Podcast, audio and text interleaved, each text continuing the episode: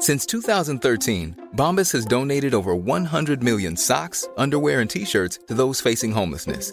If we counted those on air, this ad would last over 1,157 days. But if we counted the time it takes to make a donation possible, it would take just a few clicks. Because every time you make a purchase, Bombas donates an item to someone who needs it. Go to bombas.com slash ACAST and use code ACAST for 20% off your first purchase. That's bombas.com slash ACAST, code ACAST. Many of us have those stubborn pounds that seem impossible to lose, no matter how good we eat or how hard we work out. My solution is PlushCare. PlushCare is a leading telehealth provider with doctors who are there for you day and night to partner with you in your weight loss journey. They can prescribe FDA-approved weight loss medications like Wagovi and Zepbound for those who qualify. Plus, they accept most insurance plans. To get started, visit plushcare.com slash weight loss. That's plushcare.com slash weight loss.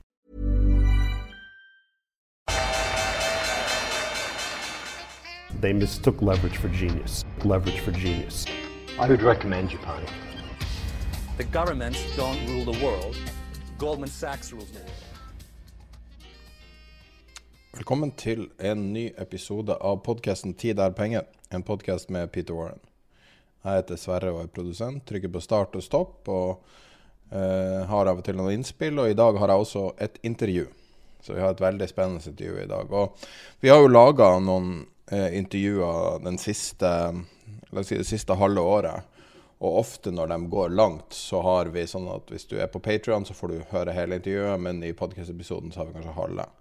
Men akkurat dette intervjuet er veldig spesielt for mange måter, så vi legger ut hele i den åpne episoden i dag, så episoden blir litt lang. Eh, og så har vi også planlagt eh, noe vi egentlig hadde tenkt å gjøre i forrige uke, men i slutten av uka, som er en episode om et tema som vi kommer til å legge ut på Patrion. Så hvis du støtter oss på Patrion, så kommer du mest sannsynlig til å få eh, mer innhold denne uka, som vi har gjort mange uker nå det siste. Så intervjuet i dag er med en mann du kanskje aldri har hørt om. Som står høyt i norsk etterretning, altså dvs. Si det norske CIA, kan du tenke deg. Og eh, han har vanvittig kompetanse. Han, han er den høyeste utdanna innenfor feltet. Og har kjent eh, Peter i lang tid. Og i helga nå så fikk vi endelig, etter lang planlegging, fikk vi endelig gjennomført intervjuet. Og jeg var veldig fornøyd med det, og vil si tusen takk til Kjetil Hatterbekke, som har eh, hjulpet oss med å, ja, med å dele eh, sin historie. Så da tror jeg vi går i gang med episoden. Siste ca. halve episoden er intervjuet, og det legges ut, i, legges ut i sin helhet. Da går vi i gang med episode 151. Ja, da eh, Litt sånn eh, Jeg vet ikke helt Jeg tenkte på Jeg hørte på en podkast mens jeg venta i dag, og det slo meg at man har allerede klart å normalisere Ukraina-situasjonen, sånn at det ikke er et naturlig tema i en urelatert podkast. Føler du at noe sånt har skjedd? Altså, det var teknologi, og så kan det være finans, og det kan andre ting. Har vi liksom absorbert inn at det her er den, vår nye normal? Ja, altså jeg, jeg, merker egentlig det samme som deg, men det syns jeg at jeg merker det sånn rent generelt sånn samfunnsmessig også. At uh, det er blitt en avstand til uh, til krigen og invasjonen av, av Ukraina. Altså vi, vi, ser det på nyhetene fortsatt, for all del, og vi hører om tiltakene, men det er blitt en annen form for avstand, slik at frykten rundt det og endringene som dette skaper, det er nå skjøvet til side, syns jeg. Altså frykten for, for at dette skal, skal, eskalere og påvirke oss, det har blitt skjøvet unna. Og, Tror du det er fordi at det er en så ubehagelig tanke? Ja, jeg tror at delvis at det er ubehagelig tanke, og delvis fordi eh, vi merker ikke dette ubehaget. Vi ser det på nyhetene, og vi, vi forstår det på flyktningstrøm og, og problemstillingene rundt, rundt, det, men vi ser ikke Altså, krigens grusomheter er, eh, er atskilt uh, fra oss via, via en, en skjerm. Og jeg husker en, en fotograf uh, i, i Vi Menn som jeg kjente via båtrace i, i, sin tid. Han fortalte, For jeg spurte, han hadde tatt noen bilder, og de var noen grusomme bilder av en, en ulykke. Og så spurte jeg han det, hvordan, hvordan var det for han å ta de bildene. Reagerte han ikke på det? Og han sa så lenge jeg ser det gjennom linse, linsen, så går det greit. Og det er det jeg tenker vi, eh, vi gjør nå. Vi ser det gjennom en linse. og den første sjokkeffekten har gått over, og så som du, du, er inne på, ser ut som vi normaliserer livene våre og, og, skyver unna det faktum at dette vil bety mange tiår med endringer, og vi kommer til å merke store endringer. Altså Det er bare at bølgen ikke har truffet oss enda. Nå tenker jeg ikke en bølge i form av vold, men en bølge i form av økte priser og, og, og flaskehalser, at vi ikke får tak i en del varer og tjenester osv. Det har vi bare forskjøvet. Nei, bare, det bare slo meg hvor Fordi at uh, dem i den podkasten hørte på, snakka om liksom, ja, det er så deilig at vi kunne møtes ansikt til ansikt, og vi har bare sittet over skjerm i to år og sånn. Så slo det meg jo at jeg har allerede glemt av korona. og uh, jeg vet ikke, det, det bare Det er rart det der hvordan man venner seg til de, de mest ekstreme situasjonene. Ja, og det er, det, si, det er en av de gode tingene ved for så vidt menneskesinnet. Og det gjelder jo, det gjelder jo alt vi opplever av, av, um, traumatiske opplevelser, som du egentlig kan kalle dette. Det er jo at, at tid leger alle sår, og fordi vi ikke har det helt oppe i ansiktet, så, den, så, så tar det mindre tid, rett og slett. Sjokket ja. er over. Jeg blir spent på når man har eh, 20 30 40 000 flyktninger her, om eh, det endrer seg, da. Ja, men da, da, endrer det seg til en, en annen problemstilling, ikke sant. Altså det, det, som skjer i øyeblikket, er at store deler av sivilbefolkningen blir massakrert. Altså dette dette er, fredelige mennesker som ikke hadde noen Altså som went, um, gikk gjennom dagen mye på samme måten som vi gjorde. Altså gikk, gikk på jobb og spiste frokost om morgenen og middag om kvelden, og alt var liksom normalt. Og nå lander det 155 mm granater i, på, på, husene deres og, og, og verre, og missiler treffer, og de befinner seg i bomberom livredde for, um, for det som skjer over bakken. Og det er jo, det jo tilfellet, og vår altså, evne til empati er, er, står på en måte i et forhold til geografisk avstand, tror jeg. Dessverre. Altså, i, umiddelbart så er vi veldig empatiske og forstår at vi må gjøre noe. Eller at vi ønsker å gjøre noe, og så trekker vi oss unna. Det er jo helt Altså, vi er i 2022, og et land i Europa blir invadert og skutt i småbiter. Sivilbefolkningen eh, tas livet av. Og vi sier ja, det var ikke med i Nato. Ja. Nei, det er tricky. Men det er jo, really? liksom, men det er jo, det er jo sånn man overlever også.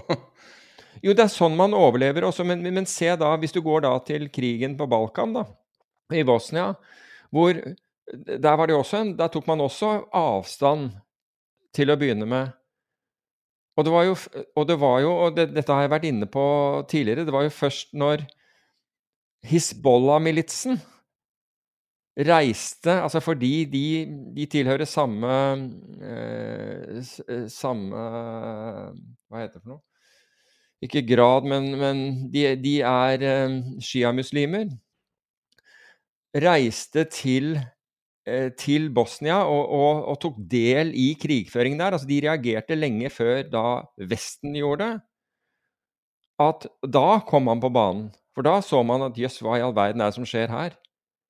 Nå, nå, er det noen som reagerer, og vi, vi står på sidelinjen. Plutselig så, så, godkjenner man ting. Jeg husker ikke hva han var japaneren som, som satt i FN hele tiden, altså som, i Sikkerhetsrådet, som hele tiden uh, veto uh, alliert bombing av, uh, av, av serbiske, serbiske, stillinger og tanks og den type ting. Men det, om, han het et eller annet på A, Marakashi eller et eller annet sånt. Han, om og om og om igjen. Altså, hvis, hadde jeg vært i den, altså, hadde mine nære og kjære blitt drept i den krigen, hadde jeg aldri sluttet å lete etter han fyren, for å si det på den måten.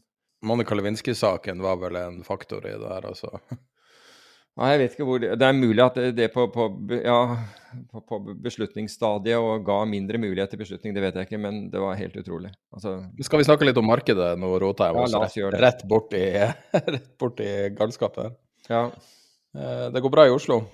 Ja. Oslo, så, så vidt jeg så, var, var i hvert fall eh, i, i sted på all time high, og det er jo Altså, det, det, det, kan jo forklares med at børsen er, er, er eh, tungt råvarevektet. Altså, vi har da det som etterspørres mest i øyeblikket. Altså, det er jo olje, gass, kraft øh, og gjødsel, annet, på Oslo Børs. Og, og det gir da den diversifiseringen vi har snakket om med å være long råvarer. Altså det hadde vært enda bedre å vært long råvarer bare, men, øh, men når det gjelder gjennom aksjer, så og, og gjennom indeks, fordi det er veldig mange som ikke opplever denne all time high-en. For de har vært i helt andre papirer, forteller de meg, og det er det som er blitt anbefalt. Det er helt andre papirer enn å, være, enn å ha plassert eh, pengene i indeksfond. Men indeksfond eh, har vært en god plassering i år, det må man si. Og Spesielt også når, når du ser at, eh, at verdensindeksen er, eh, er fortsatt er ned ca. 7% vi hadde, en, vi hadde en kraftig oppgang i, i markedene i forrige uke som har liksom bedret den situasjonen. Men når du ser på Tyskland og ser på USA, og disse, så er det, jo, er det jo fortsatt ned. Det eneste som jeg må si, det er jo at eh, og, og dette ser vi jo av, av dagens aviser, og vi som følger med litt mer, har jo sett det allerede. Og det er bl.a. emisjonsmarkedet har tørket ut. Nå ser vi kjempelønninger hos meglere, og vi vet at risikotakerne, de som tegnet seg emisjoner i fjor, de stort sett tapte de penger. I, en, I et år hvor børsen var, var kraftig opp, så tapte de penger. Så, så du kan si at det betyr at de skal ha en mye høyere risikopremie øh, øh, fremover. De er ikke interessert i, i å oppleve dette igjen. Og øh, nå var man også ute og, snakket om kredittobligasjonsmarkedet, hvor det også er helt tørt, og hvor en av de mest erfarne forvalterne, eh, Maria Granlund i Alfred Berg, sier at de sørger for å ha høy grad av likviditet i fondene sine i tilfelle det kommer innløsninger, fordi det er ikke noe eh, det er, altså, det er et tørt marked. Og jeg mener jo fortsatt at det markedet ikke egner seg for daglig likviditet i det hele tatt, altså kredittobligasjonsmarkedet i Norge, og spesielt, da, altså spesielt på high yield-siden, ikke egner seg for daglig likviditet. Burde aldri vært der. Finanstilsynet burde ha reagert etter finanskrisen, men som vanlig så sitter de bare på gjerdet og gjør ingenting fordi, eh, fordi meglerhusene vil ha det annerledes. Men eh, det er klart at når, når kredittmarkedet er tørt, og det er markedet som er bedre sikret i, bank, i, unnskyld, i et selskaps kapitalstruktur enn aksjer, når det tørker ut, da bør du jo også tenke på hva det betyr eventuelt for mer risikable investeringer, sånn som f.eks. aksjer. Men aksjer har den fordelen at de har likviditet. Så, så det er fordelen. Ja, nei, det um, Jeg syns um, det har vel vært et relativt dysfunksjonelt marked. altså Kredittobligasjoner de siste 12 årene, 15 årene, så vidt jeg kan huske. Så, Ja, off and on, ikke sant. Altså, du ser hvor dysfunksjonelt det er eh, under, under eh, covid-krisen. Nå snakker vi annenhåndsmarkedet. Utstedelse fungerer jo utmerket. Ja, ja, ja. Jeg snakker også om annenhåndsmarkedet. Utstedelse fungerer, ikke sant. Fordi du har fått stadig flere fond, og de, de må kjøpe noe fordi de må være investert. Men problemet er når det kommer da en eller annen setback i økonomien, eller på en annen måte geopolitisk, hva, hva, som helst, så finnes det ikke kjøpere. Da er ingen interessert i det. Og da er det bare å estimere hvor, hvor verdier.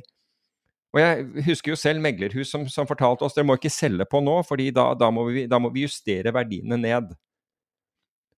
Og da var det sånn alle måtte sitte rolig i båten, og dette var jo under begynnelsen av finanskrisen, så ble man anbefalt å sitte rolig i båten, fordi hvis, måtte, hvis det måtte selges ned, så ville man vise hvor, hvor dårlig markedet var. Og til slutt så ble, ble, ble også dette meglerforetaket tvunget til å, å selge ned, og da, da sprakk jo dette markedet fullstendig fra hverandre. Men altså, det, er, det er jo en drive til å holde det gående som er, som er imponerende. Det, det, skal, skal, det, skal de ha, de som, de som holder, på, med- på, holder på med det.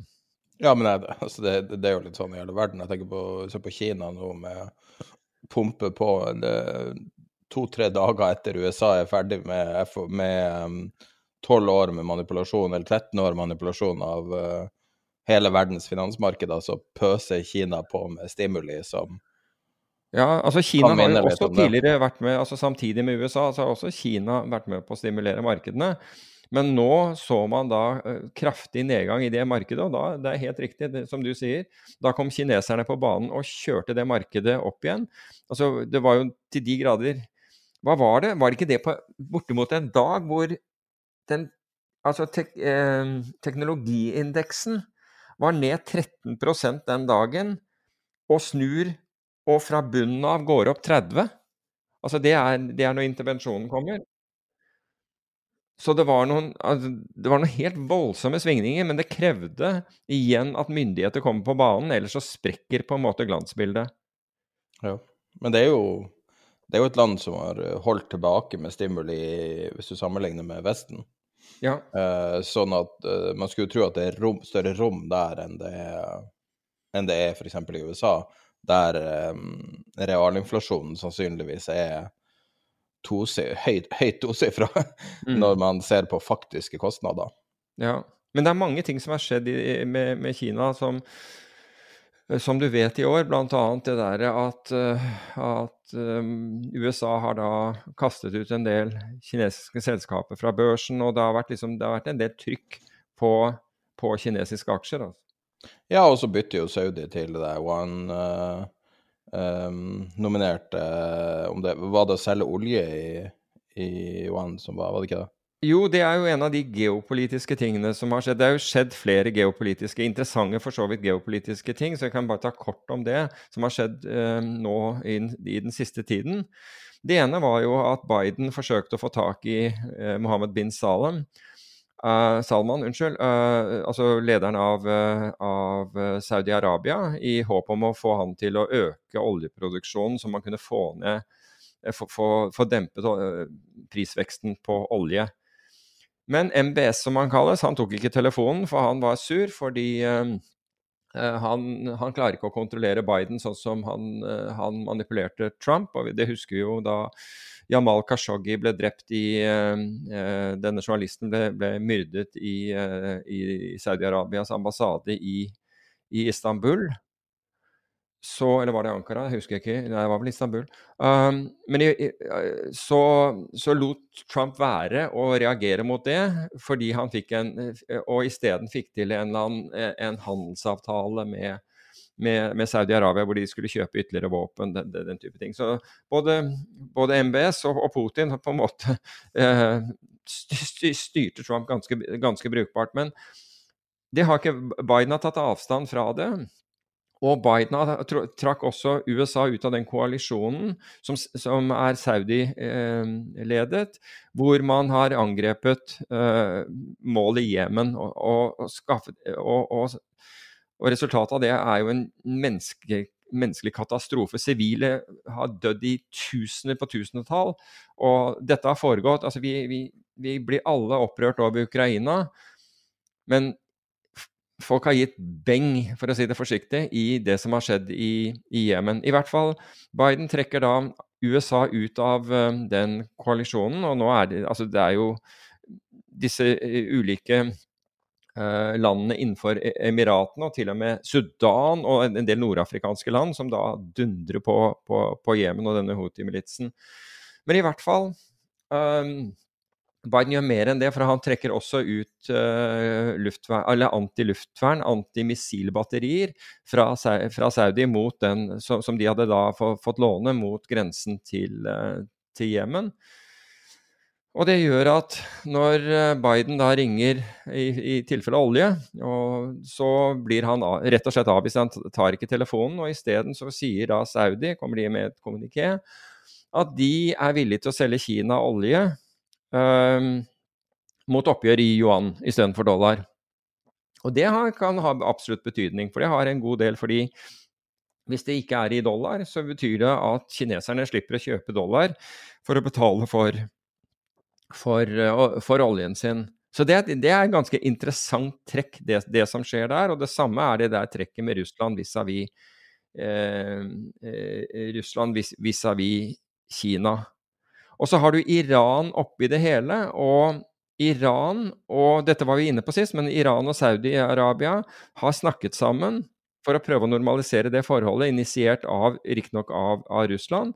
Men de samtalene ble da brutt når Saudi-Arabia foretok den massehenrettelsen i, i forrige uke, hvorav, hvorav, uh, hvorav syv var jemenitter. Um, og da sannsynligvis uh, med, med, kontakt mot mot Iran, som støtter da Houthi-militsen i Jemen. Så nå, nå har det begynt å, å, å, røre på seg for alvor. Og så den tilsynelatende muligheten for fred man hadde i, i, det området, den er nå blitt, blitt, dårligere. Men så har det seg slik at Houthi-militsen i Jemen har da angrepet på nytt mål innenfor Emiratene. Og Biden har da i weekenden um, sørget for at Saudi-Arabia på nytt får Patriot-batterier, altså sånn antimissilbatterier, slik at de skal kunne beskytte seg. Så her foregår det mye, for å si det forsiktig. Ja, helt utrolig historie. Det høres ut som en, uh, en roman. Liksom. Det høres ut som en fortelling. Det høres ikke ut som virkelighet. Nei, og du, du, kan si at det, det, det vi er vitne til i øyeblikket, er ganske store geopolitiske skift som egentlig nå er forankret i den krigen som på, pågår i Ukraina. Og de tiltakene som Vesten gjør, og, og de tiltakene de absolutt ikke gjør. og det, dette, skaper, dette skaper endringer. Og det skaper nye altså det, Når jeg snakker om nye muligheter, så er det, det er fælt å snakke om det når det gjelder krig, men poenget er at vi vil få nye flaskehalser. Vi vil få, nye, vi vil få ytterligere problemer med, med, med, matmangel. Altså, Ukraina er storleverandør til en rekke uh, arabiske land, herunder Egypt, uh, Libya, Tunisia. Uh, de leverer også til nordafrikanske land som, som Marokko. De, de, de, leverer faktisk hvete og korn så langt unna som Indonesia, mener jeg. Så når man plutselig tar ut Ukraina dette, så skjer det ting. Jeg hørte en artig stat. Artig, artig. Jeg tror det er 5 av alle kaloriene på jorda kommer fra ukrainsk hvete. Å oh, wow. Det ante jeg ikke. Men det, det, som er poenget mitt i dette, og det er litt opp til det du, du startet med, altså den derre La oss kalle det en form for normalisering som foregår nå, til tross for det som skjer der nede. Det jeg savner i dette, er jo analytikere som tar tak i det, og som faktisk altså ser, på da, ser nå på hvis, hvis Ukraina ikke leverer hvete til disse landene, hva, er, hva, kan konsekvensene være? Hvor har de muligheten til å få fra andre osv.? Russland er jo selvfølgelig også en, en stor korneksportør. Kina er vel en av de største importørene uh, derfra. Men du kan si at hvis nå Russland ikke skal levere f.eks. da olje og gass til eh, eh, eller gass til, til, Europa, så sier de at da kan de bare levere til Kina. Nei, de kan ikke bare levere Eller ja, teknisk kan de det, for det går en rørledning der. Men den, den har kapas, kapasiteten på den er omtrent en syvendedel av de, av det de leverer til Europa. Og det er ikke noe som du bygger ut over natten, for å, si, for å si det på den måten. Så det er store skift her, og det er de som Jeg tror de som kommer best ut av dette, vil være de som forstår forsyningskjeder, altså forsyningslinjer, og råvarer, og ser hvor dette altså, Vi har det, er jo massivt, det som skjer på, på, på råvarer i, i, øyeblikket. Og det er ikke alt tilknyttet dette. Altså, det er, det er uh, kaffehøst i, i, i, Uganda som har gått til helvete. Det er, det, er, mange andre ting som skjer. Og det skjer store ting nå. Ja, ikke bare er... det, men her er to ting du ikke har hørt om, kanskje. Okay, hvis du ikke har lest nyheten i dag. Det er opptil 40, 40 grader varmere enn gjennomsnittet i Antarktis og Arktis. Ja, vet du hva, det hørte jeg i går, og det var nesten så jeg ikke Og det var et kraftigste jordskjelvet siden 1989 ramma Vestlandet, eller uh, ute i havet, da, med Ravna I Nordsjøen. Ja, I Nordsjøen. Ja. I dag. Altså, det er bare sånne odde ting. Ja. Altså, du kan si at det her er selvfølgelig tilfeldighet, man kan si at det, er, det at, at, det plutselig blir varmere der, er en, en, reaksjon på det som vi så tidligere i år i Europa. Men i, i, altså at, at, det kan bare være et værfenomen. Men det er bare det Det er så store ting som skjer i alle mulige kanter. At man, man rekker liksom ikke å respondere sånn at Ukraina er bare én av mange tema. Jeg er helt, jeg er helt enig med deg, og, og, du kan si at fellesnevneren her, det er som du er inne på, det er endringer. Store endringer. Og det til tross så oppfører vi oss som det ikke er noen endringer. Vi oppfører oss og, og tenker som om akkurat det som, det som skjedde i, i, forrige måned og, og, seks måneder tilbake og ett år tilbake, det er egentlig sånn det kommer til å være fremover. Mens oppi, rett opp i ansiktet vårt, rett i, rett i trynet på oss nå, så, så, står det noe som blinker. ikke sant? Store endringer. Men du hører veldig lite om, om, hvordan man har tenkt til å forholde seg til det. Og jeg tror de som kommer til å Altså de som er villige til å bruke analytisk kapasitet på, disse, på, på, de endringene man vet. fordi det er veldig mange av disse endringene som skjer nå som Det er ikke mulig å, bare skru de rett tilbake igjen. Så det er ikke noe fare for at ja, men to dager etterpå så var det i orden. For det, for det vil ikke være. Misser du, inn, eh, misser du uh, planting og innhøsting, så, så, så mister du liksom et år, eller kanskje mer.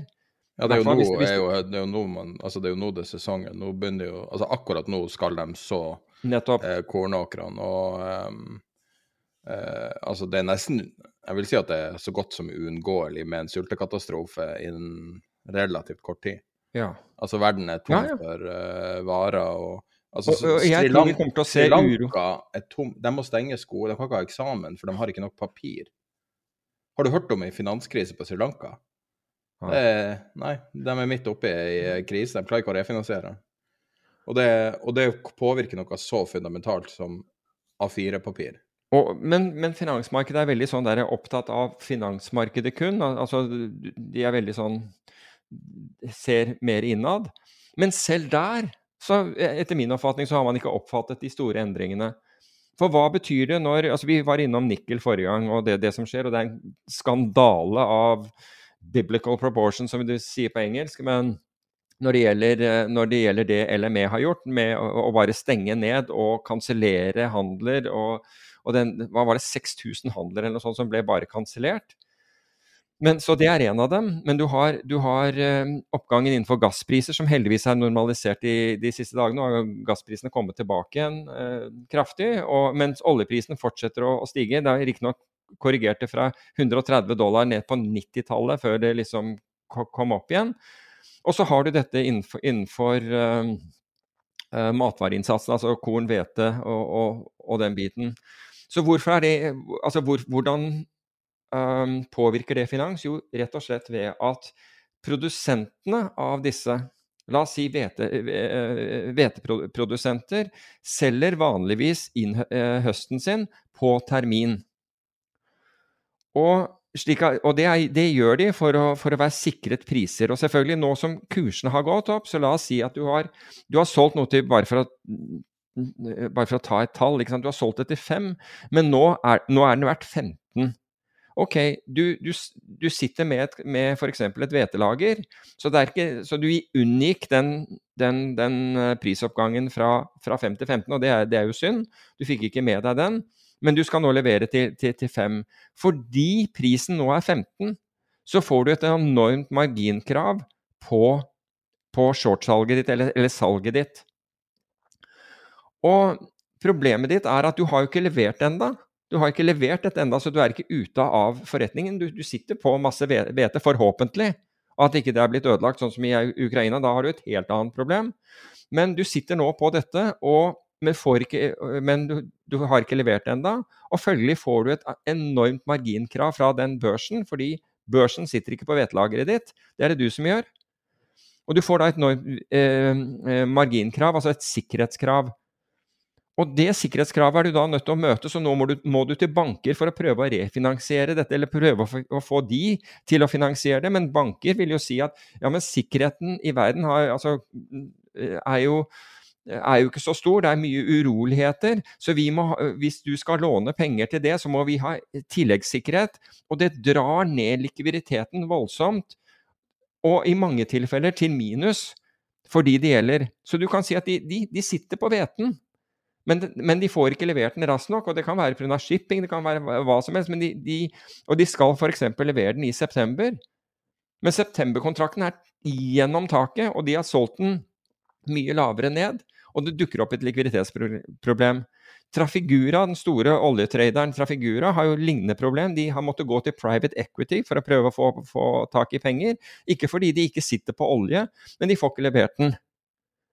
Og prisene er høye. Så dette skaper enorme sånne likviditetsskjevheter rundt omkring i, i systemet. Og det syns, syns det ikke, heller ikke noen å tenke på. Og jeg skal love deg at når folk som når Trafigura og disse her har, har utfordringer, så har også en rekke andre, og det være seg oljeselskaper, eh, gassleverandører, kan være kraftselskaper, andre, har også gjort sånne sikringer og har lignende problemer. Og når vi får så stor volatilitet som vi har sett i det, i, i det siste, så slår det ut et eller annet sted i systemet, skal jeg love deg, at det er tradere og beslutningstagere ellers som har, som har tatt feil. Og kanskje det har vært, og det er i de fleste tilfellene vel ment, og man har sett en mulighet, men pga. de ekstraordinære store svingningene, så blir de belastet med voldsomme kapitalkrav. Og det, at, og det, kan være at, de er nødt til da å ta tap på, på posisjoner, store tap på posisjoner, rett og slett som følge av disse kapitalkravene. Og det var jo det, var jo det som skjedde på LME. Men der var det begrenset til én stor nikkel, verdens største kinesiske nikkelprodusent, pluss noen av storbankene, JP Morgan ble nevnt eh, blant dem, som var da på den andre siden av denne handelen, som ville tape voldsomt med penger og likviditet dersom man brukte 10 000 dollar som, som uh, Unnskyld, 100 000 var det vel. Var den ikke kommet opp i 100 000 dollar, eller var det 10 000 dollar? 100. Husker ikke farten. Men i hvert fall hvis man brukte den børskursen, fordi den voldsomme stigningen som var i, eh, i eh, nikkel Hvis man la den til grunn, så hadde det katastrofale følger for noen enkeltaktører som riktignok var store. Og da kan du si er det børsens rolle å beskytte noen få aktører som har oversolgt eh, nikkel? Eller skal de sørge for integriteten av markedet? Det, er vet, det, er en komplisert verden vi er i nå. Veldig. Og uh, vi Altså, vi har jo nå en uh, mange, altså en slags sånn onshoring-bølge, fordi at man ser at global, eller deglobalisering, eller hva man kaller det, uh, der man ruller tilbake fordi at man ser at denne, å ha en global sammensatt verden er ikke forenlig med nåtida. Kanskje det var det for ti år siden. Sånn som du ser f.eks. den russiske ETF-en Eh, som heter RSX, som bare følger det russiske markedet. Mm. Det var 96 millioner dollar i opsjoner på den, mm. som nå forfaller verdiløs fordi at uh, det går ikke an å prise noe som helst for at markedet har ikke vært åpent på tre uker. Det forfalt i um, forrige uke, 18. mars. Sånn at vi, vi har ikke Vi har, vi har ikke tilpassa oss uh, en verden der ting endrer seg. Men altså men, men, det endrer seg jo ikke i krise. Sånn som det tyske fotballigaen fortsatte under hele andre verdenskrig, mm. helt til 1945. Sånn at eh, vi tror på en måte at historisk sett så har det vært sånn nå er det krig, nå stopper alt opp, nå står man ute på slagmarken og skyter på hverandre. Men i realiteten så fortsetter verden. Og, men det blir bare på en dårligere måte. Sånn mm. som at, uh, at nikkel randomly ble uh, et så hett tema, og da er i ferd med å ta ned hele London Metal Exchange? Ja, ja altså det, det, hører jo med til historien at London Metal Exchange i 2014 ble solgt til, uh, ble solgt til Kina, eller i hvert fall til Hongkong. Uh, altså, og hadde London Metal Exchange fortsatt å være uh, eid av medlemmene og, og, på en måte vært britisk, så tror jeg ikke dette her hadde skjedd. For å være helt ærlig, da tror jeg ikke det hadde skjedd. Og det fallet, altså, eller det at man touchet Det var 100 000 dollar. Eh, det var, som, eller, det var riktig som jeg sa første gang. Touchet 100 000 dollar. Det at du kansellerer alle trader og liksom 50 000 dollar blir liksom den, den prisen de, de, står på. Det, det har enorme økonomiske konsekvenser. Ikke minst for alle de som solgte over det nivået og kjøpte f.eks. andre ting som sikkerhet for, for, for det for, eh, for, sitt, for, sitt, salg. Plutselig så blir de fra Altså, de får en enorm eh, margin eh, call fordi den ene siden av handelen deres blir borte. Og nå når de har åpnet nikkelhandelen i dag, så, så, så, gikk det limit down til 31 000. Og mens denne børsen har vært stengt, så har jo Goldman vært villig til å stille priser, og det var faktisk 30% ned eh, i, i, i, forhold til hvor, hvor, altså hvor, markedet da hadde blitt justert til av London Metal Exchange. Det er totalt kaos. Og fond og alle disse som tilfører børsen likviditet, med å være finansielle aktører på, de, på disse børsene og f.eks. kjøpe nikkelaksjer, shorte nikkel, eller kjøpe nikkel futures, shorte uh, nikkelselskaper og den type ting, de, alle, altså, de, de, takker for seg. Store, store fond har, har allerede sagt at det her, her skal vi ikke være lenger. Takk for oss.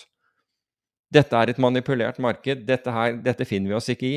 Og du spurte om regulering forrige gang, og det skal jo være regulering. Det er ikke så tight regulering som om uh, som om SEC regulerte det, men det er regulering rundt dette. Så hva enn, men hvor den reguleringen Altså Er det da kinesisk regulering som skal legges til grunn her, eller er det britisk? Det er, det er ikke godt å si, men, eh, men disse tingene her altså, er jo sånne ting som ruinerer mennesker. Og det er mennesker som altså rett før hadde penger og alt mulig sånn, så tar de en posisjon, og ingen kan forestille seg at det kan gå så gærent som, som det gjorde. Og de har gjort dette med, med, med, med, belåning, og bang, så er pengene borte.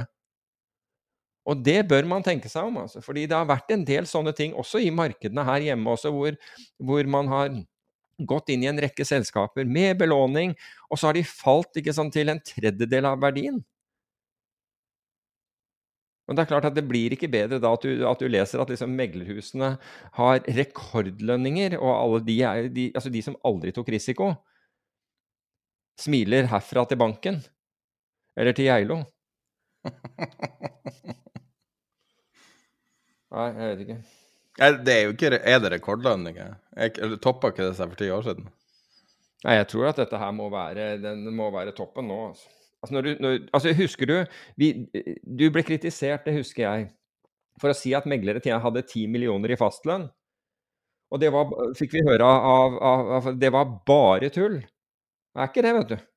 Det står svart på hvitt det nå, at en rekke av dem har ti millioner som fastlønn, så kommer bonus på toppen. Så du var forutsigende, om ikke annet. jeg vet ikke om det var akkurat sånn, sånn det var da, men uh, jeg tror det var den um, De toppeste topplønningene toppa seg tidligere. Men snitt tror jeg har gått veldig opp. Jeg tror det var så det som ble enden på visa. Fordi at du, du, har ikke lov til å gi samme bonus, tror jeg det var. Jeg tror det var sånn, det som var endringa. Altså, ja. Altså, du, du, vet hva Altså, foreløpig så, så, er jo emisjonsmarkedet tørket ut, og det, og det er det jo mange som uh, mange som, uh, som, har påpekt. ikke sant? Nå skjer det ingenting, og nå er det fælt. Men jeg skal love deg, altså, du vet, altså, hvordan vet du at, at, uh, at meglerne føler på det? Og det er noe Vet du det? Hvordan du vet om meglerne føler på det ikke? Ja, det er jo sikkert noe med skibakke ja, det er hvis du, ser en, altså hvis du ser en 25 år gammel megler i en to år gammel Bentley. gammel luksus. Altså. da vet du at ting er i ferd med å gå til helvete. Eller en meglersjef eh, flyr kommersielt til London med rutefly. Da vet du liksom at da vet du at helvete er løs. Flyr virkelig meglersjefer privat? Ja, helt sikkert. Og langt lenger. Ikke bare sjefen, er jeg helt sikker på. Men det er som de sier, er det, er det er, hvis, hvis meglerhuset har mindre enn fem Lamborghinier i garasjen, så er, så er, så vi inne i en resesjon. Jeg snakka med en av de mest bemidla jeg kjenner eh, for et par dager siden. Og han fortalte en historie om eh, hvorfor han ikke lenger er Nordea-kunde. han, han gjør mye business med banken, så det, det er dyr kunde å miste han fikk en telefon som sier har du lyst til å være med på en eksklusiv førpremiere av James Bond. Mm. Og så sier han ja, det vil jeg være med på. Og så, og så svarer han Nei, han fikk en mail, og så svarer han to minutter etterpå. Så får han svar da og sier 'du var for sein, beklager', eh, eh, eh, et eller annet, altså bedre lykke til neste gang. Og så blir han så sinnssykt forbanna av at han ble gira for han skulle få se James Bond før alle andre. Så han kansellerer sitt kundeforhold med Nordea og oppgir at han ikke fikk James Bond-billetter som årsak. Oh, wow. Det er nesten like ille som den der historien med, med, med Petter Stordalen. Han hadde sendt ut uh, invitasjonene til, uh, til dette her eh, sommerfesten hans. Og så viste det seg at PR-byrået som hadde med dette å gjøre, hadde sendt ut listen fra året før. Og måtte da dra til, til mange og, og, be om å få invitasjonen tilbake igjen. Det er også litt kleint. Det er nesten sånn å, å vinne en premie og kunne levere den tilbake. ja. ja det, føles, det, føles litt kleint ut. Hei, Når vi er inne på utradisjonelle ting Sorry. Jeg lurer på om jeg kunne få invitasjonen og den champagneflaska den kom med, hvis jeg kunne bare få det tilbake igjen. uh, når vi er inne på uh, utradisjonelle ting uh, Bank of America hadde en artig treningsstrategi uh, de tipsa kundene om i en analyse nylig. Mm. Utrolig enkel, da. De tok eh, de ti mest undervekta aksjene og de ti mest overvekta, altså hvem er minst anbefalt og mest anbefalt og kjøpte de minst anbefalte og solgte de mest anbefalte, altså en spread. Og i Skal vi se 1, 2, 3, 4, 5, 6 og i år, da. Syv år har de uh, tjene penger på det. Ganske mye, altså. Wow. Ja, men 2020 var jo da et stort tap, så, mm. så det eter opp mye av det. Men likevel, altså, 2020 var jo en outlier på mange måter. Men det er ikke den dummeste strategien jeg har hørt om. altså. Nei, uh, det, er, det, er, jo tragisk for, uh, for meglerbransjen hvis, hvis, det er systematisk slik at du, kan, at du, at du bør selge de mest anbefalte og kjøpe de de, de har minst tro på. Det er jo, det er jo tragisk. Men, jeg, men Det er jo Warren Buffett, ikke sant? Ja. Mest oversett, minst analysert. Altså Jeg skjønner hvordan det kan skje. Mm. Fordi at anbefalingen eh, forutsetter jo selvfølgelig da en Altså det er jo prisa inn. Ja. Apropos, du, jeg, jeg, dette må jeg ta, fordi jeg, jeg, kom akkurat på at jeg må ta en rettelse på en rettelse. da begynner det å bli mange lag av det. Uh, og, og jeg husker denne IMO-saken som jeg drev og snakket om, og hvor, ehm, hvor det var dette med at eh, det, det, de mest forurensende eh, drivstoffet eh, falt, falt, så mye verdi at man da isteden kunne kjøpe den rene fuelen. Og jeg, jeg sa at dette var pga. karbonmengden, men det er selvfølgelig sulfurgraden, fordi det er jo det du snakker om når det gjelder drivstoff. Og det var en av våre lyttere som gjorde meg oppmerksom på det, og det, det er en idiotisk eh, feil å gjøre, men kudos til han som, som, som, sa ifra. Men for øvrig så, så, kom jeg opp i en diskusjon med noen fordi det var snakk om dette med Statnett som sier at det er kun 10% av prisen.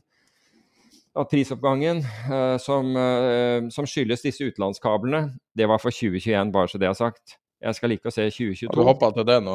ja, det var en smidig overgang.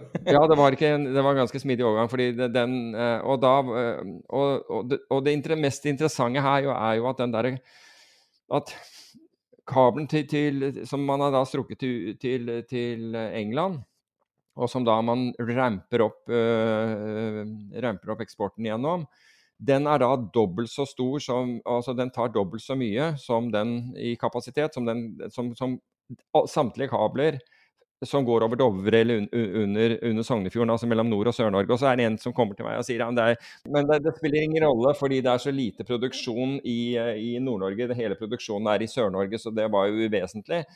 Og da, da igjen vår, vår eminente Arnfinn hos, hos Glitre. Jeg spur, spurte han hvor stor andel er det, for jeg mente at den var ikke så liten. Og det er den heller ikke, fordi at man, man den er ganske den kan, altså, Du kan komme opp i rundt 50 av, eh, av kraften som produserer.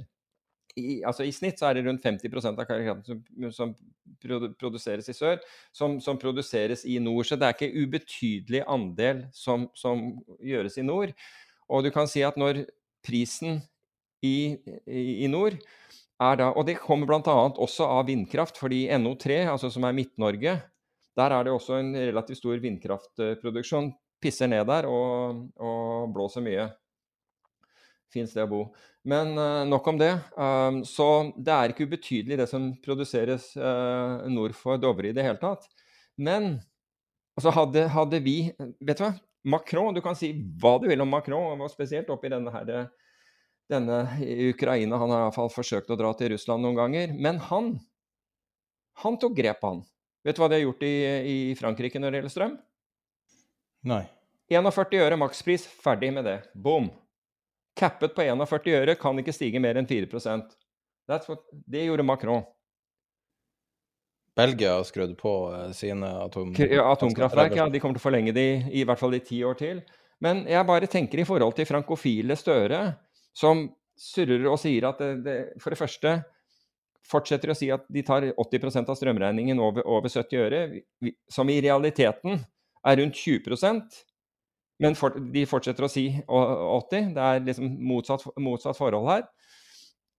Så skyver man dette foran seg istedenfor å gjøre som Macron og bare ta en avgjørelse, ordne det problemet, og så kan man deale med de mer kompliserte og komplekse eh, geopolitiske situasjonen, f.eks. rundt Ukraina. Kan man bruke full, full kognitiv kraft på det, istedenfor å ha en base med misnøyde mennesker som hittil har i stor grad har merket både, både kraftpriser og nå drivstoffpriser, og også merker nå, øh, merker nå øh, prisene på, på, på, mat. Så en sånn enkel sak Macron klarte det. Støre gjør en jobb, da.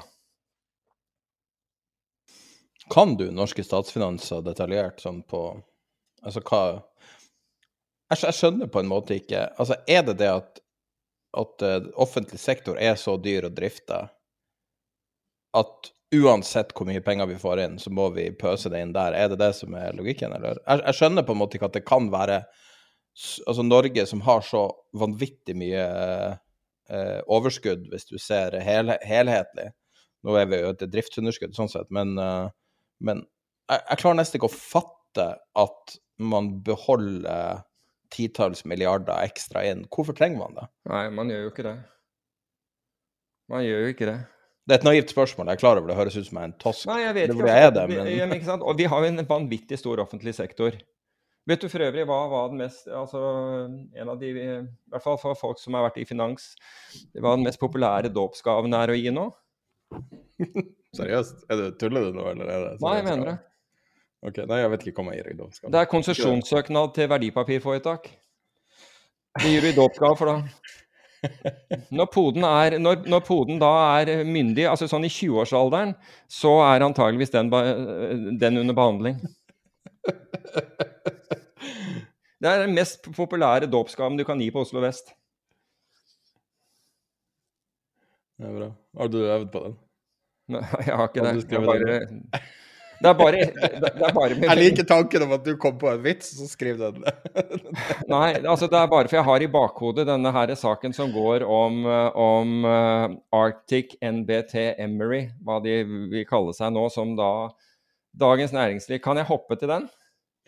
Ja, gjerne, for vi, du vet jo vi har en hard avtale. Ja, det er det, det, er det vi har. Også, og den må jeg bare altså, Dagens Næringsliv har jo gjort en enorm jobb her. Det, må, de må, det er litt av en ressursbruk. Men det viser seg at denne saken, da, altså om dette selskapet, det, handler om at Arctic har hatt altfor stor posisjon i en, i en, aksje. Og som da skriver seg fra at de hadde en emisjon i den, og tydeligvis ville ikke kundene ha den, så de tok resten på egen bok. Og dette har pågått nå i tolv år. Altså i tolv år så har Finanstilsynet påpekt det, og pålagt dem å gjøre forskjellige ting. Og så har ingenting skjedd. Annet enn at Finanstilsynet har oppdaget da, omtrent med årlige intervaller at, at uh, det, det, er fortsatt brudd, og bedt de ordne opp. Og så, Det var jo veldig den her saken det er jo You can't make this shit up. Men i 2007 så, så oppdager de da at dette her skal være solgt eh, at, eh, Og dette er nyttårsaften. altså Det er sånn for å få det ut av bøkene. Så selger man da 170, aksjer for 170 millioner kroner til et russisk selskap som har en aksjekapital på 7500 kroner, og gjør det med, med, på kreditt. Orker du, eller? Altså Hvis disse tingene stemmer, så er det jo så grov tjenesteforsømmelse av Finanstilsynet at det er helt hinsides Det er nesten ikke til å tro. Men på en annen side så sier jo ikke Finanstilsynet til Dagens Næringsliv at her, her tar dere feil. De har ikke engang undersøkt disse selskapene. Det var dette selskapet som var et eller annet Winter Wonderland-selskap som var eid av en, av en svenske som, altså som et selskap som på en måte er bare sånn postkasseselskap in the middle of et eller annet sted i Alpene. Og så husker vi fra den, fra den, opprinnelige eh, avsløringen, hvis man kan kalle det, så var det eh, var en skraphandler i England som skulle kjøpe, liksom, som plutselig skulle overta et selskap for hundrevis av millioner. Og det er samme greia. Og så har du disse store navnene som Inge Hansen, ikke sant, som er styreformann i Arctic. Og som han har vært Jeg mener han var styreformann i Eller var han CEO var han vel i, i Statoil. Han har liksom en sånn stellar track record. Og jeg kan bare ikke skjønne at en, en, en sånn person risikerer på en måte sitt navn og rykte på, i, en, i sånn i, på, på, et sånt tilfelle. Og så har du Trond Moen, og jeg kjenner, jeg har kjent Trond Moen siden 80-tallet. Han er en really sånn stand up, veldig ålreit fyr. Og han, eh, at han står ved si, sin, eh, altså At han står ved mennesker, det, det, det, har han jo en, en track record fra, fra, å ha gjort. Altså at han, han uh, Får du problemer, så er ikke han mannen som, som, som, ditcher deg, for å si det på den måten. Men her er det han som sitter igjen med en 400 millioner kroners post. Jeg kan bare ikke for mitt liv tro at han har visst hvordan dette her har stått til. Men altså dette her, Jeg vet ikke, jeg leste du den saken? Den er bare helt insane. Ikke den siste. Altså. Og det, alt men er, de, er jo oppe, de er jo oppe og står fortsatt, det skjønner jeg ikke. Hvordan er det mulig at det her ikke har fått konsekvenser ennå? Er ikke det her en På tolv år så har det ikke fått konsekvenser. Og når vi vet hvordan tilsynet er med, med små selskaper, de mister konsesjoner for ingenting. Altså, ta og kapitalvekt når, når, når uh, disse tiltakene fra, fra, uh, fra Finanstilsynet Det ville være en skremmende greie hvis noen gjorde. Men uh, men, men, de blir møtt med stillhet. da, at Arctic har ikke lyst til å uttale seg om det, og selvfølgelig dundre på, på med advokater. Og, og Finanstilsyn som må, nå må ha nær panikk for hvordan de skal, hvordan de skal unngå og hvordan de skal rett og slett klare å si, si at har, dette har vi ingen kommentar til, og, og, håpe at dette går over. Hvem Altså, er det det som forbauser meg Finansdepartementet, som på en måte er overhodet over Finanstilsynet, noen der må være ved roret. Noen der må lese avisen og si hva er det som skjer her? Og hvis ikke de gjør det, så vil de i hvert fall tro at en eller annen finanspolitiker ser på dette her og sier hva er det som skjer her, da? Hvordan er det mulig? Dere har holdt på i tolv år med, med, med, dette her, og dere har ikke liksom klart å, å, å, å få til noe. Det har bare fortsatt. Altså sånn nyttårsaften så så selger til, så selger du aksjene 170 millioner kroner i aksjer til et, eh, til et russisk selskap med 7500 kroner i aksjekapital. Ja. I mean, you really can't make this shit up. Altså. Jeg tror du har drukket et par kopper ekstra kaffe i dag. Nei, jeg, jeg, er på samme, men den, den, altså, til å begynne med så tenkte jeg den der saken altså, Når det der begynte, så, så var det litt sånn oppsiktsvekkende, men så har det kommet mer og mer og mer. Og den saken nå ja, nå og der, har, og der, har, du en tidslinje, hvordan det liksom byttes over fra, fra ett selskap som ikke har penger, til et annet som ikke, som ikke kan betale. Og Finanstilsynet gjør ingen undersøkelser om disse selskapene, men Dagens Næringsliv de har ressurser ja. til å gjøre det. Mens Finanstilsynet Applaudere dem, da. Ja, ja. De har gjort en kanonjobb i det. Um, vi har um, jobba litt i, uh, i helga også. Eller jeg jobba i helga og hadde et eh, veldig interessant intervju som vi tenkte vi skulle legge ut i denne episoden i sin helhet. Eh, og det er en person du har kjent en stund, så du kanskje presenterer han? Ja, altså nå kommer jo Kjetil Hatlebrekke til å presentere seg selv i begynnelsen. Jeg har vært heldig å høre gjennom, gjennom intervjuet. Men Kjetil Hatlebrekke er jo da eh, ansatt i eh, den norske E-tjenesten, og det E-tjenesten er da den, den uh, utenlandsetterretningen i, i, Norge. Er det det samme som CIA? Ja, det er det. Uh, det er det bortsett fra at, at CIA er ikke militæretterretning, mens i Norge E-tjenesten er innunder militæret.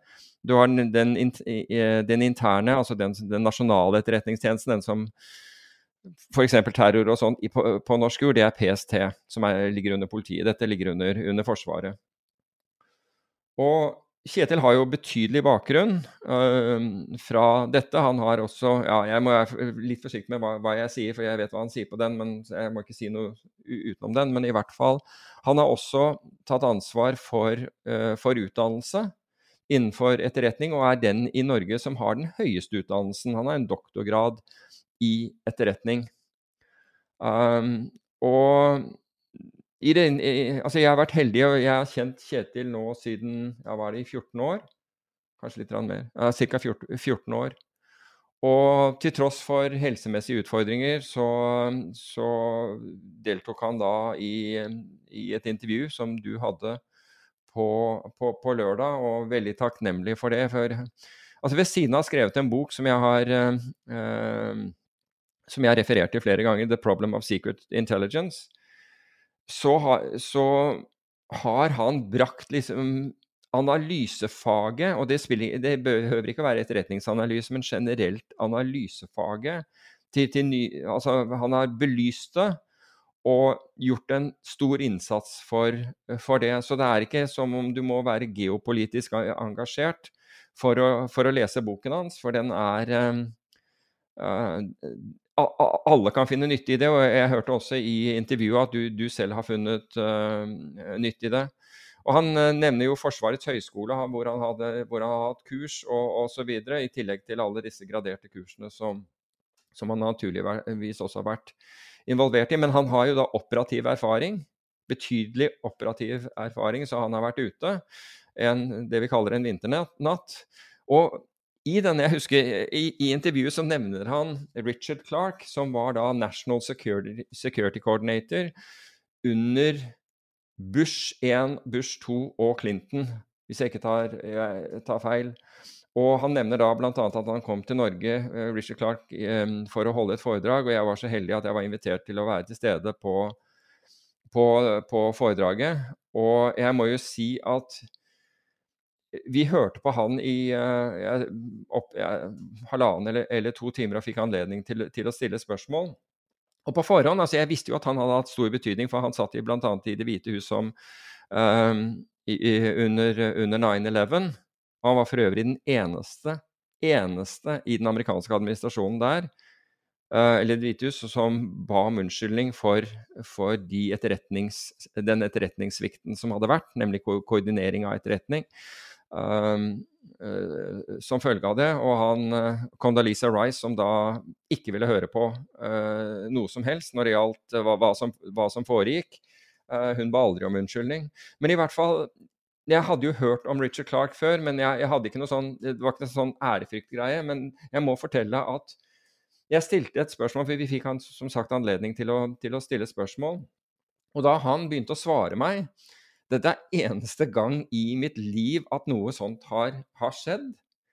Da, men det var som en tunnel um, um, Altså rett og slett oppsto mellom han og meg. Altså at alt annet i rommet forsvant. Det, jeg har aldri opplevd lignende før. Altså Når han svarte og jeg spurte eh, videre, så var det liksom som det var etablert en sånn altså en direkte, en direkte kanal mellom, mellom oss.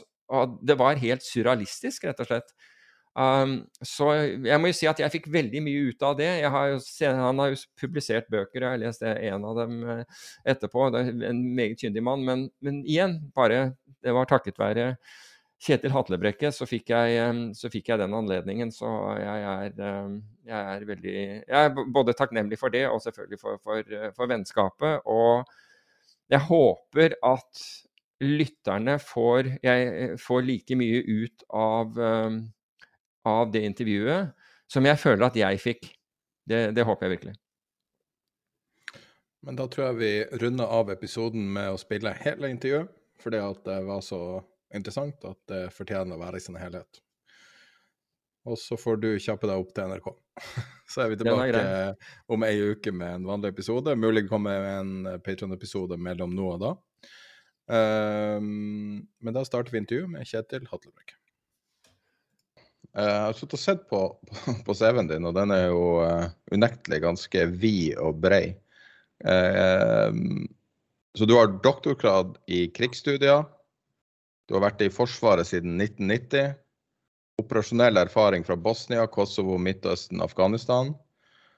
Og du har fått noe som så vidt jeg skjønner er ganske sjelden å være offentlig kjent, Etterretningstjenesten for tjenestemedaljer. Og nå er du Er du professor nå? Nei, nå er jeg fagdirektør i E-tjenesten. Akkurat. Men jeg var førsteamanuensis på Forsvarets etterretningshøgskole. Ja. Ja. Og jeg kan jo si at uh, uh, nå har jo vi eh, planlagt denne samtalen en stund nå, men det er en ting som Peter har jo snakka om deg veldig lenge, og, og snakker veldig varmt om, om dine, deg som person og dine, det du har gjort. Sånn at jeg er jo liksom, Uten å, vite så mye detaljer, så er det jo, det er jo veldig mye skudd. Jeg tatt veldig fram til å få muligheten til å snakke nå. Nei, men det, det jeg syns det er hyggelig å bli invitert. Jeg synes det er veldig hyggelig. Eh, hvem var det som Var det sjefen i CIA eller NSA som hadde kommentert boka di? Det var noe sånt. Eh, nei, nei, nei, det, det har jeg nei, det, det kan jo være det, men det har jeg aldri uh, hørt om. Nei, det, men jeg, det hadde blitt, den hadde blitt kommentert i en viktig avdeling i USA. Jeg vil ikke si hvil- hvilken da.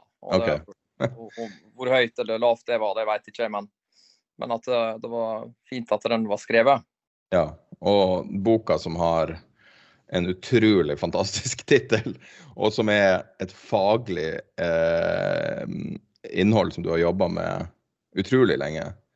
Eh, som heter det um, Jeg har den jo foran meg her. Det? The problem of secret intelligence, ja. Ja.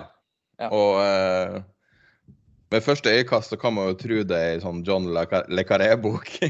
Men det her er eh, da ei eh, etterretnings... eh, altså for folk som jobber med etterretning for utdannelse, ikke sant? Nja, Ja, det, det var vel egentlig ikke Jeg har skrevet den boka for, for um, etterretningsfolk, først og fremst. Så håpet mitt var at den, liksom, at den skulle ta av blant, eh, blant eh, altså utøvere, da. Ja. Det som har skjedd, er jo at den har blitt like populær blant f.eks. folk som driver med, driver med cyber security. Eh, og teknologer liker den. Um, eh, og det syns jeg er morsomt, da. Ja. Så en så, Altså, jeg kan jo si at det har brakt noe inn i livet mitt. eh, I forhandlingsteknikk. Og eh, altså, hver, hver uke er jeg i en eller annen forhandling. Og allerede merker jeg at å bruke ting fra boka for å fordi at så vidt jeg kan skjønne, så en av de viktige elementene når man skal starte å jobbe med det du har jobba med helt liv, er å forstå motparten. Altså genuint forstå motparten. Er det riktig tolket? ja, det vil jeg si. Og så eh, forstår jeg god, altså motparten på, på, på, på, godt og vondt. Um, altså ikke, ikke forstå motparten som en sånn genuin fiende uansett. Men, eh, men også forstå eh, Ja, altså det handler ikke bare om å, å skape fortrinn enn, enn om å vinne, men eh, etterretning handler jo like mye om å dempe konflikt. Skape fred. Så med CV-en din, da, så er jo sikkert, det er jo sikkert mye som er redacted, altså mye som er i svart. Men det som jeg har da klart å grave opp bare med offentlige artikler og sånne ting eh, Så du har jo liksom sett mange deler av verden som andre kanskje ikke har sett, og du har sett mange konflikter og sånn. Og du har Jeg regner med du holdt Altså, du snakker jo om secrets i boka som, eh, som et faglig, eh, faglig uttrykk, da. Eh, som da, så vidt jeg skjønner, man kan si et sånn målet med med etterretning er å oppdage hemmeligheter som forsøker å holdes hemmelig. Um, men hvordan klarer du å forholde deg til, å, til, å, til hemmeligheter? Altså det, må være, det er jo veldig menneskelig natur å ville snakke om ting. Og vi har snakket ganske mye, du, du er jo glad i å snakke. Så hvordan- klarer man altså fra et emosjonelt ståsted å forholde seg til en sånn hemmelig verden? på en måte? Er det Nei, altså det, det, det er jo et av mine mantraer hele min eh, 24-årige karriere i, i, i etterretning. Det er jo at det er det vi må prøve å, å altså Den spenninga der, den må vi gjøre alt for å klare å, å dempe. Og Derfor så sier jeg i boka at eh, fordi at det vi jobber med på utsida er så fordekt og ofte så, så full av, av eh, deception, eh, altså forledning og villedning, det er så store datamengder også at teknikkene som blir brukt i etterretningsorganisasjoner, de, de, det er ikke det som blir sett på som sjarmerende i, i, i, privatlivet. Slik at Da sier at da, da, er det ekstremt viktig at inn i etterretningsorganisasjoner så må, ha en, så må vi ha en, en, motsatt kultur. Den må være så åpen som mulig, den må være så tydelig som mulig, den må være så klar som mulig. Det er et av forpoengene i boka. Og Derfor så sier jeg også at det, i boka så har jeg en setning, jeg oversetter den til norsk, at etterretning er først og fremst truet av de som er tiltrukket av hva etterretning ikke skal være. Så alle de som vil bli James Bond, eller som tror at etterretning handler om det, de er rett og slett farlige for etterretning. Fordi at de store gjennombruddene i etterretning, det, har skjedd av eh, R.B. Jones, han var professor i fysikk, ble kalt eh, Winston Churchills boy wizard. Og så hadde du Alan Turing, som i og for seg aldri jobba i en etterretningsorganisasjon, men han skapte datamaskinen. Ikke alene, men uten hans eh, matematiske formel så hadde ikke man klart det. Iallfall ikke på så tidlig tidspunkt. Og så har vi Sherman Kent, som var professor i historie fra, fra Yale, som skapte moderne analyse. Så etterretningsorganisasjoner, det er på altså, det er, kunnskaps, det er dype kunnskapsorganisasjoner. Peter har jo ofte snakka om at eh, når han eh, for, Vi har jo veldig mye unge lyttere av podkasten, og folk som går på universitetet, mange på BI f.eks. og sånne plasser. Og eh, gjennom årene har det kommet mange spørsmål om, om, hva burde man utdanne seg som. Og da er det mange som står og ser på f.eks. En, en businessutdannelse type BI, eller ingeniør, eller Altså for, for, inngang, De vil inn i finans, de vil inn, og så er det liksom, da er det Skal du programmere, skal du gjøre ditt og datt. Og rådet til Peter har eh, mange ganger vært se mot etterretning. Fordi at det er der mange ressurser kommer nå inn i, i finans. Altså fordi at det er så vanskelig for det første å komme inn der, så det er jo en veldig eh, ja. Også er det kompetansen. Og... Jeg, er enig med Peter, og så vil jeg utdype det svaret hans litt. Fordi at uh, allerede i 13-14 eh, så begynte man å se at folk begynte å gå fra Google og Microsoft til små firmaer i Silicon Valley. Og de selskapene de drev på med det som nå heter Data Science. Det heter det den gangen også. Men eh, Data Science har jo fem, fem stolper. Og det er at eh, For å bli virkelig god i data science, så må man kunne hacking. Altså, så må man da, For å kunne hacking så må man kunne datakoding. Og så må man være god i analyse. Eh, og så må man være god i data storytelling og rådgivning. Så de som klarer å bli veldig gode på alle de fem eh, feltene, de vil eh, være de som får de jobbene som trengs. Altså de vil få de beste jobbene i framtida. Men det som er interessant da med hele faget data science, legg merke til da hva det er disse fem gjentar de fem står. Altså hacking, koding, eh, analyse rådgivning og datastorytelling. Det er rett og slett en moderne beskrivelse av etterretning. Mm. Det er etterretning. Etterretning er en, en, institusjonalisering av tenkning. For når vi tenker, så har vi en idé, og så, og så, og så kan ikke man um, så, vi, så, går vi fra idé til teori om, uh, om, den ideen vår, og så lager vi en hypotese, og så, og prøver vi å motbevise den hypotesen. Og Det er det etterretningsorganisasjoner gjør, hvis de er gode. Og hvis de er veldig gode, så, så, gjør vi det digitalt. Altså ikke bare digitalt. Fordi at den store faren med digitalisering, det er hvis man tror at, artificial intelligence kan automatisk eh, analysere alle problemer. Fordi at artificial intelligence har ikke løst induksjonsproblemet. Induksjonsproblemet er jo at vi tror at fremtida blir som fortida. Slik at der, der, der kan, kan, vi snakke litt om induksjon? Det er det vanligste ordet du bruker i boka. Ja. Og det er det ordet som er lengst unna dagligtalen i norsk. Et ord som, som er hørt flere ganger dukke opp, og som er intuitivt, på tross av det du sier nå og det jeg har lest og det alt, så intuitivt ikke forstår det. Så hver gang man sier induksjon, så handler det om at verden er statisk, er det det? At verden Nei, ikke endrer altså, seg? Ja, eller at man tror at verden er statisk. Uh, uh, men induksjon, altså filosofisk, det betyr jo at man, utlader, altså man utleder fra generelle observasjoner til spesifikke konklusjoner. altså fordi at man ser at alle svaner er hvite, så sier man at da er den neste hvit. Sånn man ser fra det generelle til det spesifikke. Så induksjonsproblemet, det, det er hvis man skal løse den forvirringa i sitt eget hode, som jeg brukte ti år på, så er det kommet til det at det det betyr, det er at eh, induksjonsproblemet det betyr å tro at framtida blir som fortida. Men framtida blir aldri som fortida, fordi at framtida oppstår i Men det ser slik ut fordi at framtida oppstår i variasjoner av fortiden. Men når man ser på den situasjonen som er nå, uten å gå inn i detaljene på Ukraina og Russland vi, jeg, altså Det forandrer seg så mye, så man trenger kanskje ikke å tenke så mye.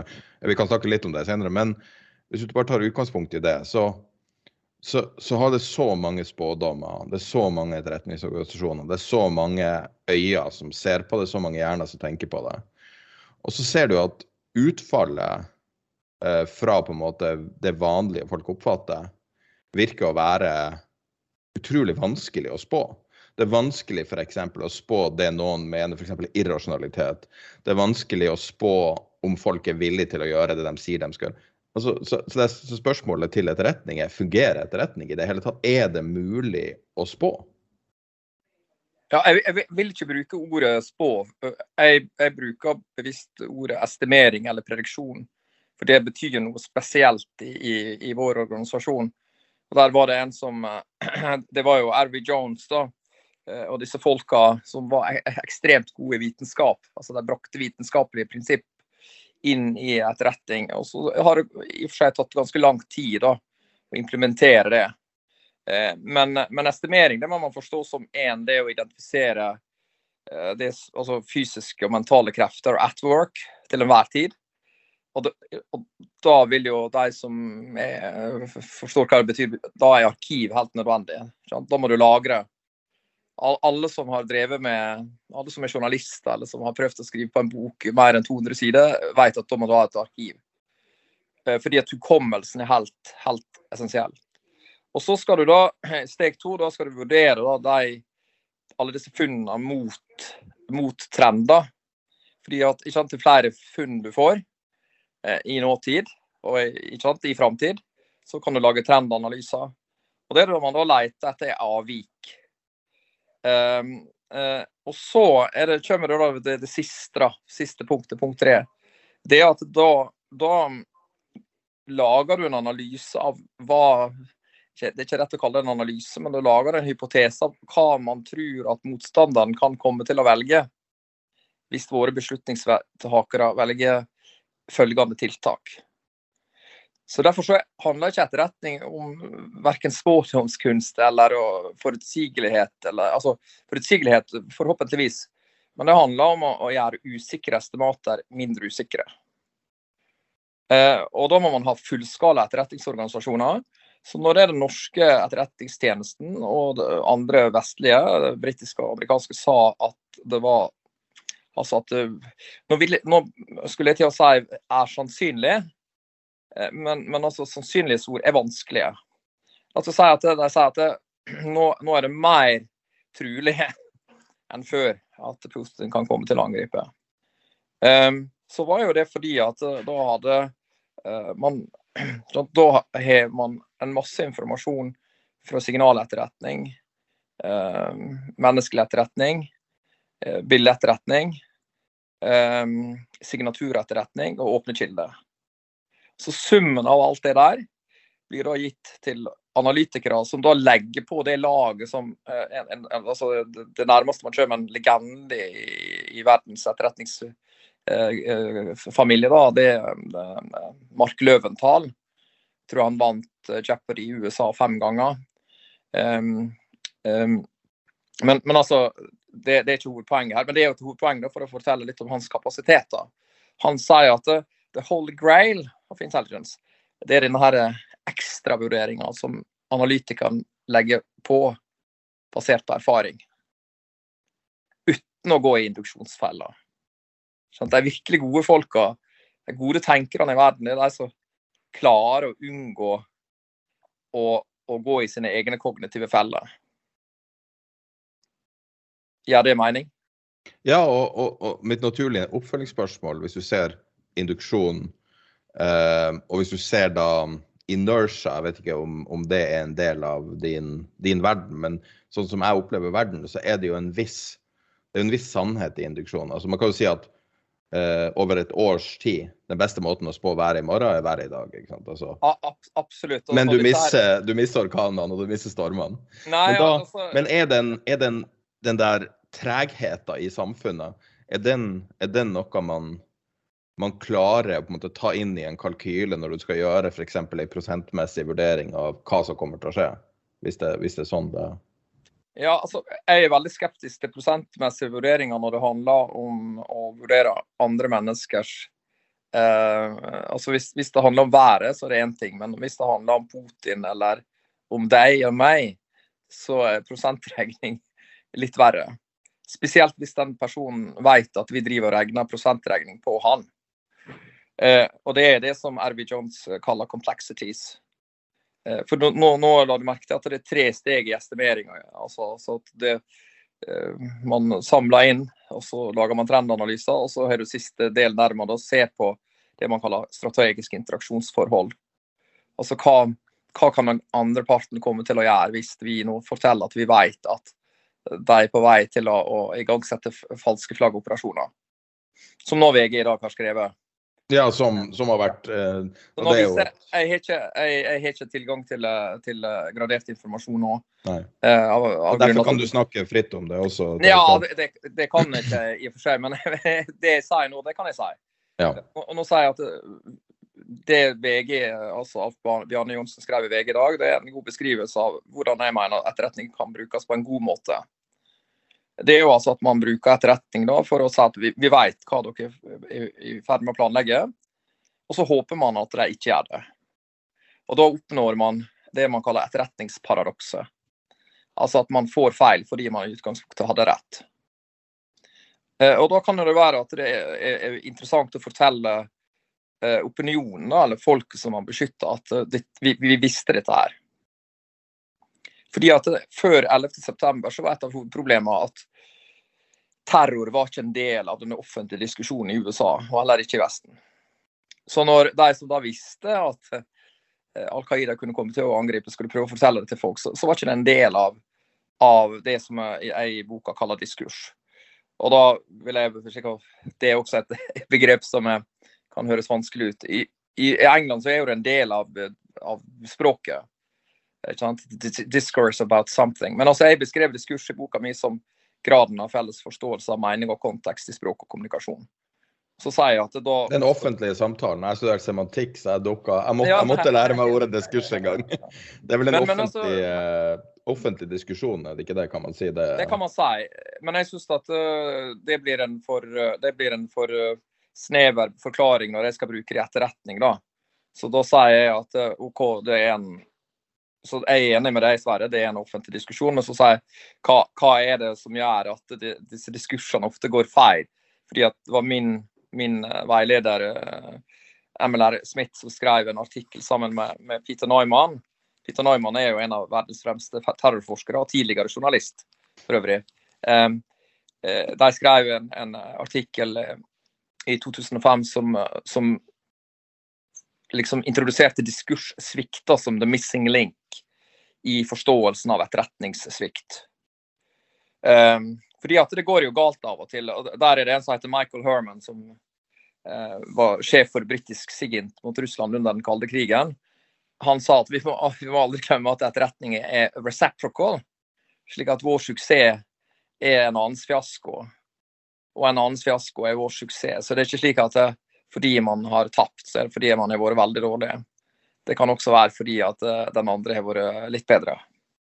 Um, og så er jo det da selvfølgelig en masse andre ting som spiller inn. Uh, men, men så, så, det jeg mener Så, så, disse, så MR Schmidt, min veileder, han, han ville at jeg skulle skrive en doktorgrad og så utvikle det til diskurssviktbegrepet. Og da sier jeg at min, min, påstand er at de fleste etterretningssviktsituasjoner uh, oppstår når det, når, det, når det, er lav grad av det, altså når det ikke er en god offentlig samtale om et problem. Også når det da, ikke sant, For det påvirker jo etterretningsorganisasjonene. Og selv om det da sitter en masse kloke hoder og forstår hva som kommer til å skje, så vil ikke det bli erkjent. da. Så aksept og erkjennelse er ekstremt viktig i et, etterretning. Um, uh, både inni etterretningsorganisasjoner, mellom etterretningsorganisasjoner og på utsida av dem. Eh, så da, da, da, er min påstand at hvis det er lav grad av felles forståelse av mening og kontekst i det de, i de språket og den kommunikasjonen man bruker for å diskutere en trussel som man ikke har erfart tidligere, så er det svært vanskelig å kommunisere den. Mm. Sjøl for de som har forstått den. Og da, da bruker jeg et sånt, et, et sånt bilde, da. Er det mulig å forklare fargen grønn til noen som aldri har sett den? Men det er jo det. For Du kan si at ja, du har sett fargen blå, du har sett fargen gul. ja det er, Kan du tenke deg hvordan For det er jo det som gjør oss forskjellige fra de fleste dyr. Det er jo at vi har faktisk den evnen til å, å se for oss nye både fenomen eh, og ting. Eh, og ja Hvorvidt vi kan se farger, det, det tror jeg Goethe hadde svart bedre på. da. Men, um, men, jeg, men, jeg, tror nok det, altså. Fordi at um, språk er jo så mye mer enn ord. Ja. En, en, ting som jeg har tenkt masse på, uh, hvis du ser tilbake på historien på etterretning uh, Så man kan jo si at andre verdenskrig var vel på en måte starten på moderne etterretning i en eller annen form. Og så kom vel uh, Det var jo både forløperen av FSB i den perioden, forløperen av CIA. Eh, forløperen av. Og mange ting kom da. Jeg vil si du har rett, men, men da, egentlig var første verdenskrig en like stor forløper. Men ja. Eh, de lærte mye, men så, så, så, dette var noen av Sherman Kent sine poeng. da, altså Nå lærte vi mye først. altså Nå var jo ikke han noen eh, Han var jo ung i første Men altså hans poeng var at vi lærte mye i første verdenskrig, men vi dokumenterte ikke det. Nå har vi lært mye i andre verdenskrig, nå er det på tide for at vi dokumenterer det. Eh, og han tok da kan du si, Han mente jo at de beste da burde skrive bøker. Eh, nå, eh, nå er ikke det slik at jeg har blitt valgt ut til å skrive bok, men jeg gjorde det sjøl. Jeg sa dette vil jeg gjøre. Så i 2002 så sa jeg til arbeidsgiveren min at nå har jeg søkt på første året i en bachelorgrad i filosofi. Jeg skal studere epistemologi og metafysikk og politisk eh, filosofier og, etikk og sånn. Så sa jeg at hvis dere har lyst til å være med, så, så er det greit, men jeg, jeg drar. Um, og, og, så fikk jeg permisjon, da. Så syntes jeg det var fryktelig kjedelig, for jeg visste ikke forskjellen på, på um, angloamerikansk eller analytisk filosofi og, og, og kontinental filosofi. Uh, så jeg syns det, det, var veldig sånn strikt dette her med formal logikk og den type ting. da. Så Derfor endte jo doktorgraden med opp å hete 'The Art of uh, Knowing Beyond the Limits of Formal Logic'. Um, den uh, tittelen har ikke kommet på boka, da. Da hadde ikke den solgt mye. Problem of secret intelligence. Selger litt mer. Selger litt mer. Du, du, må, du, må, skrive en toer, og så må det være en sånn eh, John Le Carré-bok. så, så, fordi at tittelen er så bra at den, det, kan, det kan være en spiller. Ja, det, er noe, det er noe enkelte som blir skuffa og, og, tenker at dette blir lettleste greier. Jeg har ikke prøvd å skrive en vanskelig bok, men jeg har jo skrevet om et vanskelig fenomen. Um, så, så, jeg har, tro det eller ei, prøvd å skrive den så lett som mulig. Men det er jo veldig teoretisk. Din tilnærming er jo veldig teoretisk. Det er jo uh, Jeg får jo flashback fra universitetet når vi For det, det, du har et veldig presist språk fordi at det er en presis verden. Ja. Jeg er glad for at du sier at uh, du, du, vet, Det finnes enkelte land og universitet rundt om i verden hvis du driver med teori, så får du det minste kontoret. Helt nederst i den mørke delen av gangen. Men så finnes det andre universiteter, de er ofte i England. Det er, hvis man driver med teori, så får man det største kontoret. Fordi at de som virkelig liksom har mye sånn grunnforskning, de vet at du må ha teori.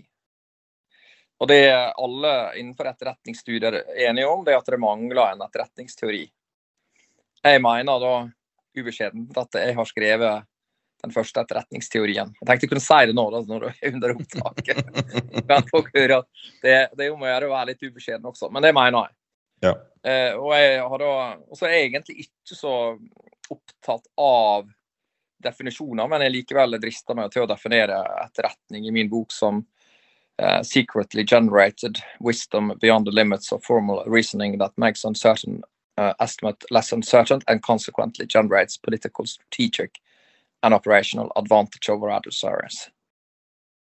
Og Den har jeg brukt mange år på, og jeg mener at den faktisk en syntese av disse to, 272 sidene. For de som gidder å analysere definisjoner. Ja. Men ord er viktig også. Altså, vi jobber jo med finans som felt. Og, og, vi ser jo at hver eneste dag hvor problematisk det er at folk har upresist forhold til nyansene, gjør at du mister selve poenget. Så i vår verden kan det f.eks. være hvis du ikke kjenner finans og ikke forstår begrepene og ikke klarer å skille ting. Og så begynner, å, og, og så begynner ting å skje offentlig, sånn som i fjor, der det var mye drama rundt eh, enkeltaksjer som skøyt i været. for Det var mye sånn, det var, det var ting som endra seg på et strukturelt sett med, med unge folk i markedet. Og så merka du da at folk entra markedet uten å ha noe kunnskap. Og det, og det, kan tenke meg må være Og det var utrolig frustrerende når du vet hvor Og du, du prøver å forklare, så det er ingen som vil høre. For de har, de har følelsesbasert beslutta hva de er interessert i. Og, og, det er jo det presise språket er jo nettopp det de mangler. For de forstår ikke, de forstår ikke problemet engang. Og, eh, og jeg tenker at eh, du sikkert møter det mer enn noen andre at... Eh, ja, altså, når, når jeg, jeg starta opp den første ugraderte etterretningsutdanninga på, på, Forsvarets uh, høgskole, altså Stabsskolen, da, som er en del av Forsvarets høgskole. Uh, og når jeg skulle begynne kurset, så hadde jeg fått det til slik at jeg spurte da general Hagen, som den gangen var sjef i tjenesten, dette var et ugradert kurs, og så sa jeg at jeg tror det er lurt at vi får med en, en, liksom en, en Altså vi må få med hele, alle disse som skal være med i den offentlige samtalen om etterretning den dagen det virkelig gjelder. Og, og da må vi ha med journalister også, og det syns han var en god idé. Så vi hadde med det. Så da satte folk fra PST og fra E-tjenesten og fra UD og FD eh, og, og, fra eh, Medie-Norge eh, og fra finans. Eh, og hvorfor det? Jo, fordi at eh, det er enkelte selskap i Norge som eh, altså 90% av kritisk infrastruktur i Norge er eid og drifta av private selskap. Og, og, altså, de store formuene Ja, vi har oljefondet, men altså, de store verdiene er jo forvalta av private. Så, så, jeg var veldig inspirert av Sir David Oman, da, som var sjef for britisk eh, etterretning. Altså, han var den første koordinatoren eh, i Cabinet Office. Han snakka om the circus of trust, og da ville jeg bygge opp det. Men det, når jeg når jeg skulle åpne dette kurset her, så sa jeg at, at dette, her er, dette er ikke et kurs vi nødvendigvis skal bli enige om ting. Vi skal bli enige om hva vi er uenige om. Fordi det er det som er problemstillinga nesten i alle samtaler, i alle kulturer, i alle fag.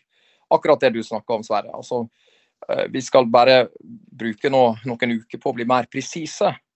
Slik at når vi har diskusjoner i framtida, så skal vi være enige om hva vi er uenige om først. Og så sa jeg at dette her blir ikke et kurs der jeg skal lære dere å være hemmelige, for det er veldig enkelt å bare si at dere får ikke lov å si noe fra noe av om noe av det dere får vite.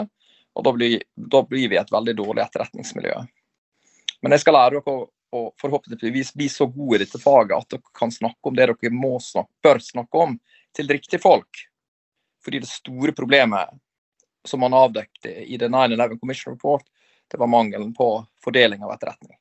Mm. Altså En masse folk visste masse, uten å egentlig vite at de kanskje visste at det var verdi. Eh, og, så, og før, før 9-11 så hadde man altså um, need to know. Og så um, endra man det til uh, need to share. Og så introduserte jeg min bok 'Courage to share', og så ser jeg at etter min tid så har det kommet til 'Dare to share'. Um, og så skal jeg driste meg til å si at jeg tror jeg var først, da. Men det høres jo bedre ut med Dear, dear Nei, Courage to Share syns det høres bedre ut. Føler du at sånne filmatiseringer her som skjedde før 11. Eh, september, at det er korrekt? Jeg vet ikke om du har sett Looming Tower-serien? eller det sikkert jeg, jeg, har møtt Lawrence Wright. Det var jo en opplevelse i seg sjøl. Okay. Og, og, lest boka. Fantastisk bok. Og, og det, det, handler jo om folk som, eh, ja, altså, som skjønte. Så, noen få som virkelig ja. Trusselen. Og han ene døde jo, så vidt jeg Ja, det er jo den sykeste tilfeldigheten, kanskje. Nei, det sykeste jeg har hørt om, uansett tematikk. Der han, den eneste personen som advarte mot Osama bin Laden, ble sparka, fikk seg jobb som sikkerhetssjef i World Trade Center og gikk ned med helt, det er jo virkelig helt utrolig. Ja, altså, der, der er vi altså, jeg, Det er en utrolig historie, men der er en mann som kan, kan si, like lenge advarte mot oss, og det var Richard Clark. Eh, eller Dick Clark, som han, altså, en legende i Washington. Ingen har jobba i Han lever ennå. Han forsto denne trusselen. Ja. Eh, og, og det, det, sier også at han eh, den 11. september så dro han hjem igjen til Arlington, og så, og så bevæpna han seg, og så dro han tilbake til Det hvite hus. Ja. Det, var, det var antageligvis ganske klokt. Få mennesker tror jeg har like mye kredibilitet som Richard Clark. Så. Jeg har møtt han uh, to ganger. Han er en, en fantastisk en, uh, Han holdt et foredrag på Forsvarets høgskole og så var det sånn masse bråk utafor det. Og jeg liksom sa skal vi flytte, og så så, så han meg på meg Is the noise a problem? Så sa jeg No, not for me. No, it's not for me either. So just continue then. Så han, sto stod og snakka i fire timer uten manuskript. Mm. En helt um... og, nå, og, han var jo den uh, første som begynte å, snakke om trusselen ikke fra cyberspace, for det er ikke noen trussel fra cyberspace i seg sjøl, men altså, altså om, om det, denne nye eh, dimensjonen, da, som en, en plass som man, man, måtte også se på som en krigsskueplass. Ja. ja. Eh, det, er jo en ting som jeg føler vi må, vi må bare ta, bli, bli ferdig med. For det er et sånn evig spørsmål eh, fra, fra utsida, fordi at etterretning er jo et helt lukka miljø sånn sett. Um, så man vet jo ikke hvordan virkeligheten er. Så det er spørsmålet James Bond, Jason Bourne, John Le Carré eller Le Byrå? Hva er det som er nærmest virkeligheten? Jeg vet ikke om du har sett alle sammen? Nei, jeg, jeg har ikke ja, James Bond og, og Jason Byrne det er iallfall så langt fra virkeligheten som det kan komme. Um, og jeg har aldri blitt fanga av Le Byrå. Jeg syns det er kjedelige greier. Nei, altså hvis, hvis man skal altså, Jean Le Carré, om det er en god beskrivelse av britisk etterretning, det aner ikke jeg, men det er iallfall en god beskrivelse av, av, av uh, veldig god etterretning hvis man Altså, altså det, det intrikate det, det, det, er ganske bra, da. En del av kulturbeskrivelsene og sånn uh, er god, syns jeg. Ja. Um, og det sies visst at han visste hva han prata om. Ja. Men det gjorde jo for så vidt han som skrev James Bond også, så vidt jeg skjønner. Så. Men, men, det virker jo ikke han. Det kan jo være at han som skrev James Bond eh, hadde et eh, større ønske om å bli rik. Ja, det er nok det.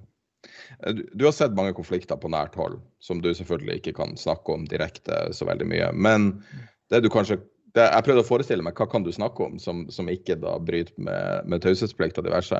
Og det jeg lurer på er, gjennom de tingene du har sett sjøl med egne øyne, egne konflikter, er det noe rød tråd gjennom dem? Altså Er det noe som de har til felles som gjør at f.eks. når dere blusser opp jeg tenker noe sånn som Ukraina og Russland, der situasjonen er ugjenkjennelig fra en dag til neste. Ja, men, også da, men er det en rød tråd? Ja, eh, og da trenger ikke å, altså, trenger ikke å jobbe i etterretningsorganisasjoner. For det, det, det lærte jeg egentlig best når jeg studerte Conflict Security and Development med Mats Spedal, han nordmann, eh, norsk professor på Kings College. Og så hjalp det sikkert at jeg hadde sett dette sjøl. Um, men, men det, som, det man ofte ser, det er jo at når du har veldig sånn rask eh, sosioøkonomisk endring eh, over veldig kort tid, mm. eh, så, så, vil du få um, sosial, altså, sosial vold. Eller, eller og Hvis det da også fører til horisontal ulikhet, altså at du får ulikhet innenfor samme klasse, eller samme Altså at du bor i, bor i Bjørkeveien, der kjører alle stasjonsvogn Volvo. Så plutselig er det tre av 20 som begynner å kjøre Rolls-Royce. plutselig. Det er en sånn veldig enkel forklaring på horisontal ulikhet, men som er ganske uheldig da, um, i et hvilket som helst samfunn. Så dette, Det var den platte beskrivelsen. Vi går tilbake til den beskrivelsen som har mer Altså for, eksempel det å, at et, et, en stat plutselig får veldig mye penger og ikke har infrastruktur til det. Det er og så er det det klassiske da, som går igjen. Det er altså, altså at uh, naturressurser, vann, mineraler, metall, seilingsleder og, og slike ting. Så, så selv i den krigen som pågår nå, så må man se hele verden under ett. Og se den i et geopolitisk lys. Mm. Det er viktig. Eh, men, men, det som det som igjen, Og så har du en miks, da. Med, med, I alle sånne konflikter så har du en miks på eh, forhistorien. og ofte Tidligere så var det postkolonialismen. Altså, altså, Altså alt det som skjedde etter at koloniene ble forlatt. Um, og så må man se på det politiske makeupen, og så er det etnisitet er viktig. Og ikke minst ideologi. Og så ser man også, ikke alle konflikter, men i enkelte konflikter, at personligheter, sterke personligheter, er drivere for konflikter. En venn av meg var, var i bilulykke da han var 18-19 år. Eh, kjørte av veien i eh, nesten 150 eller noe helt sånn crazy ulykke. Overlevde uten ei skramme. Og så, noen år etterpå, var han eh, på jobb på et skip, og så fikk han en sånn følelse i magen som han hadde kjent før. Og så sa han til han ved siden av seg hold, hold deg fast. Og så gikk de på grunn rett etterpå, og så var det noen som fløy over bord. Det var veldig dramatisk. Og det han sa var at den ulykka der ga han nesten sånn sjette sans for å skjønne at når ting var i ferd med å faktisk bikke over og gå galt. Er det sånn at når du ser enkelte måte, konstellasjoner i samfunnet, la oss si om det er, er vold blant innad i folket, eller at det er mye konflikter på TV, eller skjønner du hva jeg mener? Altså, er det noen ting som gir deg en sånn følelse av at ja. Nå har det gått så langt at det bikker over? Ja, det er det. Går det an å si hva det er? Eller går det an å forklare det? Nei, har det, det, det blir mer enn som en slags uh, intuisjon. Og så er jo det selvfølgelig at uh, det er jo sånn som med alt annet, at den, den intuisjonen er ikke alltid rett. Men, men, ofte så er den det. Men nå, nå høres det ut som en, en sånn etterpåklokskap å si at jeg ikke var overraska over at det ble en invasjon av Ukraina. Men de som kjenner meg og som har snakka med meg, vet at det, det, det mente jeg var mer sannsynlig enn usannsynlig. Um, da kan vi jo Vi kan jo ta det opp, da. Men, men det mente jo det mente kan, vi ta, kan, vi snakke om Ukraina og Russland, da? Sorry at jeg avbryter. Eh, ja, vi kan prøve. Hva, hva, er, altså, hva er det som skjer nå? Når vi, snakker, vi hadde jo tenkt å snakke for en uke siden ca., og, og, det har jo skjedd mye siden da. Og vi har jo Det kan jo virke som at, at Putin er, har sin største utfordring noensinne, kan man si. Har du noe på en måte unik innsikt i hvordan en sånn person tenker, eller hva, hva det er som er viktig for han, eller hva er naturlig eskalasjon ut fra det? For det, det her er så ukjent, det er så ukjent farvann. Liksom, så nei, du, da vil jeg si nei. Jeg, det ville være øh, mer enn galskap å tro at jeg kunne se inn i hjernen til en annen person.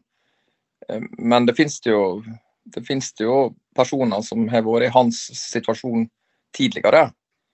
Eh, og så gjelder det jo da å, å, altså, å ikke gå i induksjonsfella og tro at uh, da vil han gjøre det samme som de andre som har vært i hans situasjon. Men, men um, han er jo prega av at han ser ganske isolert ut, vil jeg si, fra utsida. Og, og da sier det med den Eh, med det forbeholdet at det ser slik ut. Eh, man veit jo aldri.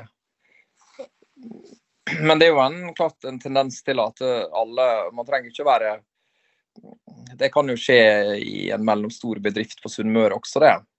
Altså at en leder kan bli såpass autoritær at, at uh, sjøl de nærmeste ikke klarer å fraråde han å gjøre noe, noe som er dumt. Um, så så gjenstår det jo å, å, se, da. Det kan jo være at, at, at Putin, eh, at Putin eh, er rasjonell nok, for at han har jo vært altså, altså, Ikke etter våre standarder, men altså, jo, han har jo altså inntil for et halvt år siden aldri vært vurdert som irrasjonell. Um, For rasjonalitet er jo også et, et, et, et begrep som man, man kan ikke overføre sine verdinormer og så si at fordi at andre gjør noe annet, så er de irrasjonelle. Uh, så inntil, uh, inntil uh, for kort tid siden så var jo de fleste realpolitiske analytikere enige om at han var rasjonell. Så, så spørs det da om han i, i framtida er rasjonell nok til å å, å trekkes ut, f.eks. Men hva vil skje da med han? Um, det er ikke så godt å si. Men, men, jeg tror det at det som avgjør dette her er mer enn press fra Vesten, det er jo internt press i, i eget land. Og da tenker jeg ikke spesielt fra folket, men fra, fra hans maktbase, da. Ja. Hvem er det? Det veit ikke jeg. Nei, men det vet man vel kanskje ikke helt? Nei, det, det, det, er noe med noen som vet, men det, det vet ikke jeg. Ja. Og det er, jo, det, det er jo ikke så godt å vite uansett om man uh, Selv for de som tror de vet det. Uh, altså det, det, er jo, det, er jo, det er jo kanskje historikere om 100 år som finner noen brev eller et eller annet. Altså. Ja. og, og, og, og, så er jo det slik da, Sverre, at det er jo ikke alltid så godt å vite altså Det er vanskelig å vite andres handlinger i framtida. For vi, du og jeg vet jo ikke hva vi kommer til å gjøre i morgen heller.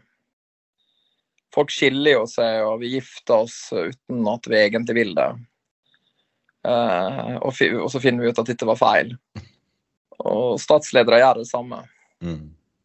Så litt Ja. Eh, forstår du hva jeg mener? Absolutt. Altså, slik at det, det er ikke Altså, jeg vil det, det, Noe av det dummeste man gjør, er også liksom å, å, gå på lufta og så si at nå forstår jeg denne personen.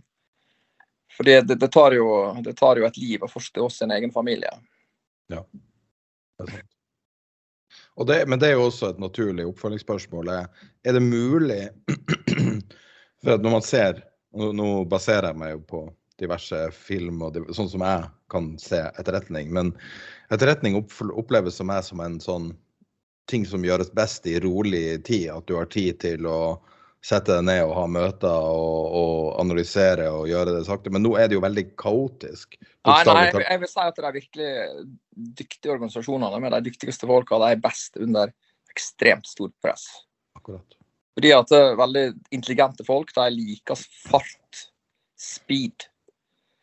Eh, altså, Den største trusselen vi står overfor i dag, det er jo at nå deler vi like mye data. Dette er tallet jeg har fra Cisco.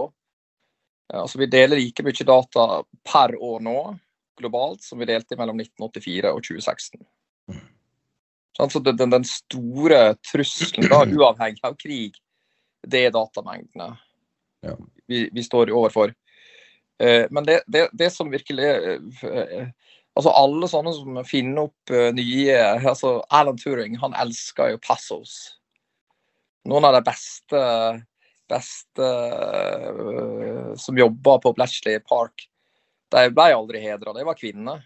Mm. Og, og de, de, var sånn supergode i kryssordløsning. Um, og, og, og, det er en skam, da. Altså, de ble ikke hedra. De da er blitt sånn hedra med sånn skuespill med lokale teatergrupper i, i, borte i England og slike ting. da. Slik at, eh, nei, det, altså Når virkelig etterretningsorganisasjoner er gode uh, Britisk etterretning var best mellom 1940 og 1945, for da sto det som ekstremt mye på spill. Ja. Og så tømte de de beste universitetene i Storbritannia for de beste hjernene. Og da siterer jeg Richard Clark, som sier at 'less is more' mye bedre å, å, ha færre ekstremt dyktige folk og god teknologi. Og så selvfølgelig et godt lovverk, da. Jeg tror jeg vet den beste kilden til informasjon. Hvis du skal vite hva en person tenker. Jeg tror det finnes en sånn kilde.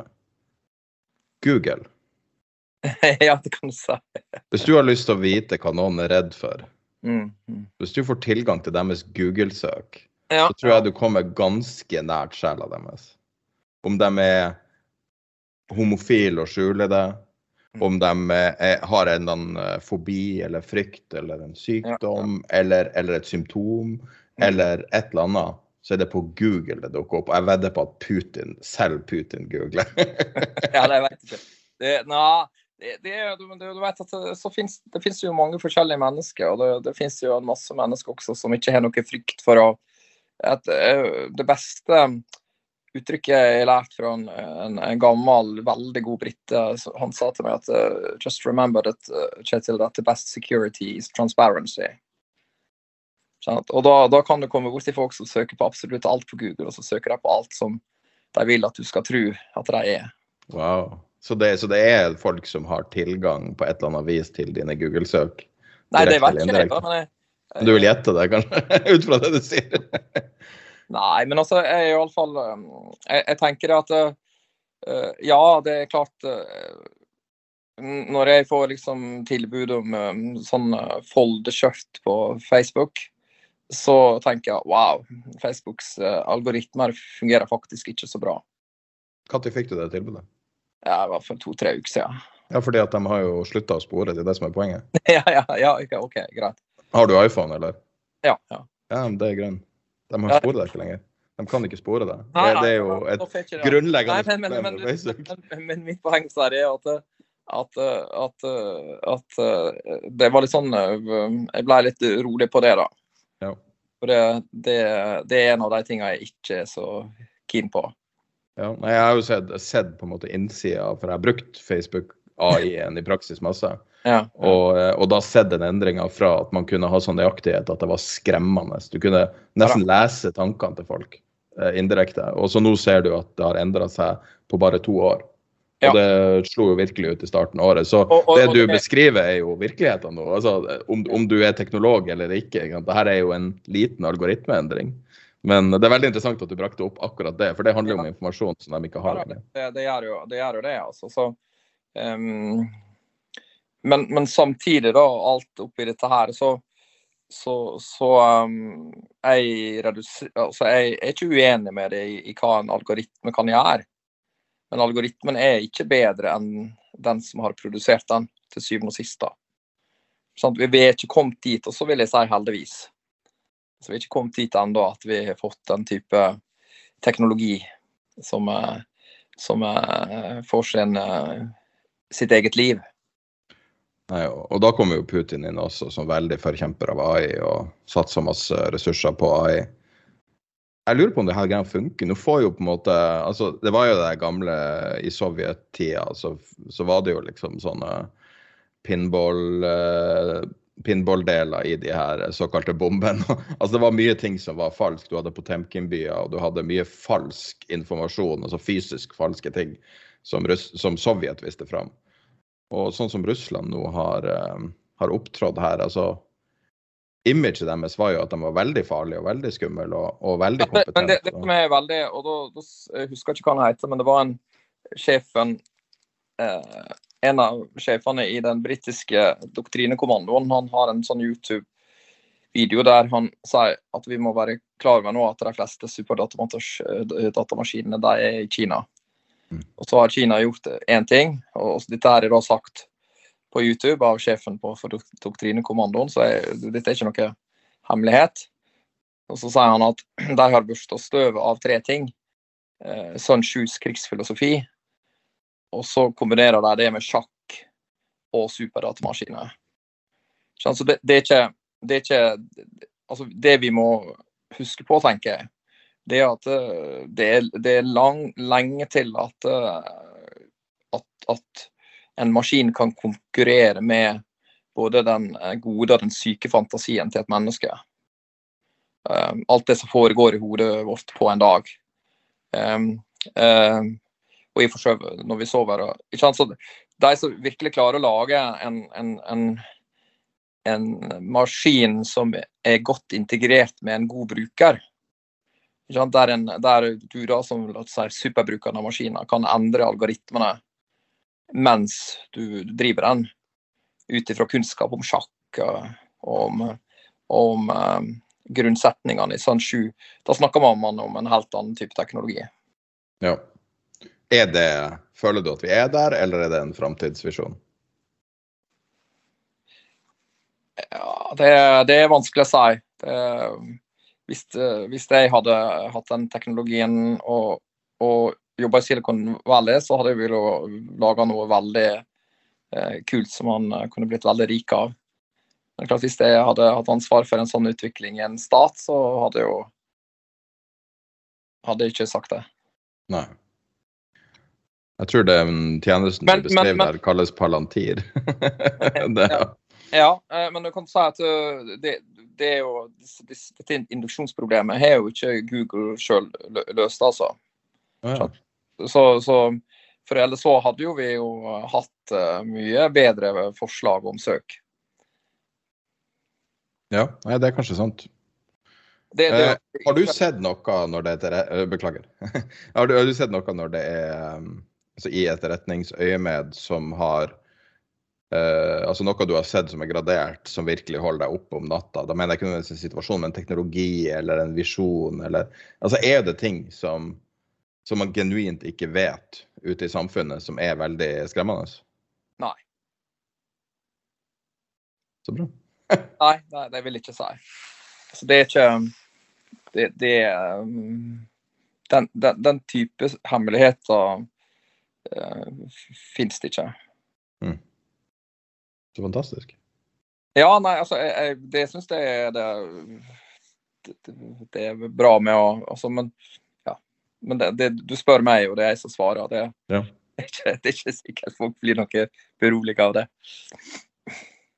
Jo, jeg ble faktisk det. uh, nei, fordi at um, Nei, jeg, jeg er veldig glad for at ikke det finnes eh, denne maskiner som, som, som skal løse alle problemer for oss. Jeg, jeg syns det er veldig, veldig bra. Nei, det, når man ser nå Russland og ser hvor lite de hadde målt opp med hva alle trodde de hadde. Altså du, har, eh, du ser utstyr som eh, rull, altså eh, bi, eh, um, eh, semitrailere med utstyr for hundrevis av millioner bakpå og ruller på dekk, kinesiske dekk som sprekker hvis de bare står, eh, altså bare blir brukt litt. Og du ser liksom sånn ingen vedlikehold, ingenting, og, og, og en liten fiende, sånn som Norge ville ha vært mot Russland.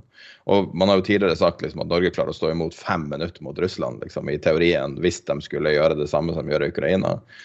Men etter det vi har sett i Ukraina, så ser man jo at de virker jo ikke å være i nærheten av så skummel force som man har trodd. Nei, men det er jo derfor det at uh, vår forsvarssjef Eirik Kristoffersen har hatt rett hele tida. Og hans store, han har jo sagt i intervjuet at hans store idol er George Marshall. Uh, George Marshall, han, han sa altså uh, Han som ble utenriksminister og forsvarsminister, og han, han sa en gang at uh, military power wins battle. Mens altså forsvarsvilje vinner krig. Mm. Altså, du kan ha en, sant, du kan ha en hvilken som helst så stor hær eller som du vil ha. Det er selvfølgelig en fordel, men uten noe å kjempe for, så vinner ikke du krigen. Du kan vinne noen slag, men du vinner ikke krigen. Og, og historisk sett så er det slik at når, når i alle fall moderne demokrati har mobilisert, og liksom nå, nå er vi trua, da slår moderne demokrati ned diktatur. Men nå er vi jo i en spesiell situasjon fordi at det er en altså Nå er jo det Her er masse ødeleggelsesvåpen involvert. Og derfor så mener jeg at det, det er veldig viktig at, må, at, at, Vesten er så forsiktig som Vesten er. Det er kjempeviktig, altså. USA valgte i forkant av denne konflikten å tilsynelatende benytte seg av en litt uvanlig strategi. Der de eh, Det er jo da offentlige rapporter jeg refererer til, men eh, intervjuer og diverse, som sier at det at de delte enhver troppebevegelse, enhver endring fra Putin på grensa osv. Og, og sendte ut bilder. De delte tilsynelatende eh, ugradert informasjon fritt med pressen, i stedet for å holde det tilbake som de alltid har gjort. Eh, og det har blitt beskrevet som en ny strategi. Eh, personlig godkjent av Biden. Det har stått flere artikler om det. Er det her en ny type form for krigføring vi ser nå? Er det her et nytt kapittel i hva det vil si å drive krigføring, at informasjon er minst like viktig? Nei, informasjon har alltid vært viktig. Det, det, er bare at nå er det så tydelig fordi at vi har en helt annen Altså nå, nå digitaliseringa gjør at, eh, at, at det er så mye tydeligere. Informasjon har alltid vært det viktigste i all krigføring. Ja, kanskje det. Skal du skrive en ny bok? Jeg har hørt rykter om det. ja, vi får se. Får se. Uh, hvis det overlever, så. ja. ja. men det, det syns jeg du burde gjøre, altså. Ja. Det, du har Det er liksom Du har klart å finne det der eh, det der eh, midtpunktet mellom eh, gradert og ugradert, og, og jeg syns du klarer å gå den linja bra. Og, og det er utrolig viktig med sånn, å dele sånn kompetanse, syns jeg. Nei, altså, jeg, jeg, jeg syns ikke at det er noe uh, verken oppsiktsvekkende eller altså, altså, at det er litt nytt at, at Biden gjorde det han gjorde. Men, men, man må huske på at når etterretningsorganisasjonene har gitt informasjonen sin til Biden, så er det jo hans informasjon. Altså det jo, han kan jo, altså Mange statsledere blir da kritisert for at de ikke gjør noe med etterretningene. Han jo, har altså da gjort noe med etterretningene. Og Det er ikke noen eh, lov i verden som sier at man ikke kan bruke etterretning for å si hva man vet om fienden. Hvordan tror du fremtida, altså, hvis du skal spå fremtida, hvis du har sett tendensene i hvordan ting går? Uh, mange har jo spådd kunstig intelligens som en sånn her svart boks som skal løse alt, men det har jo på en måte ikke løst alt. Det er jo bare en ny fasett og masse, masse støy.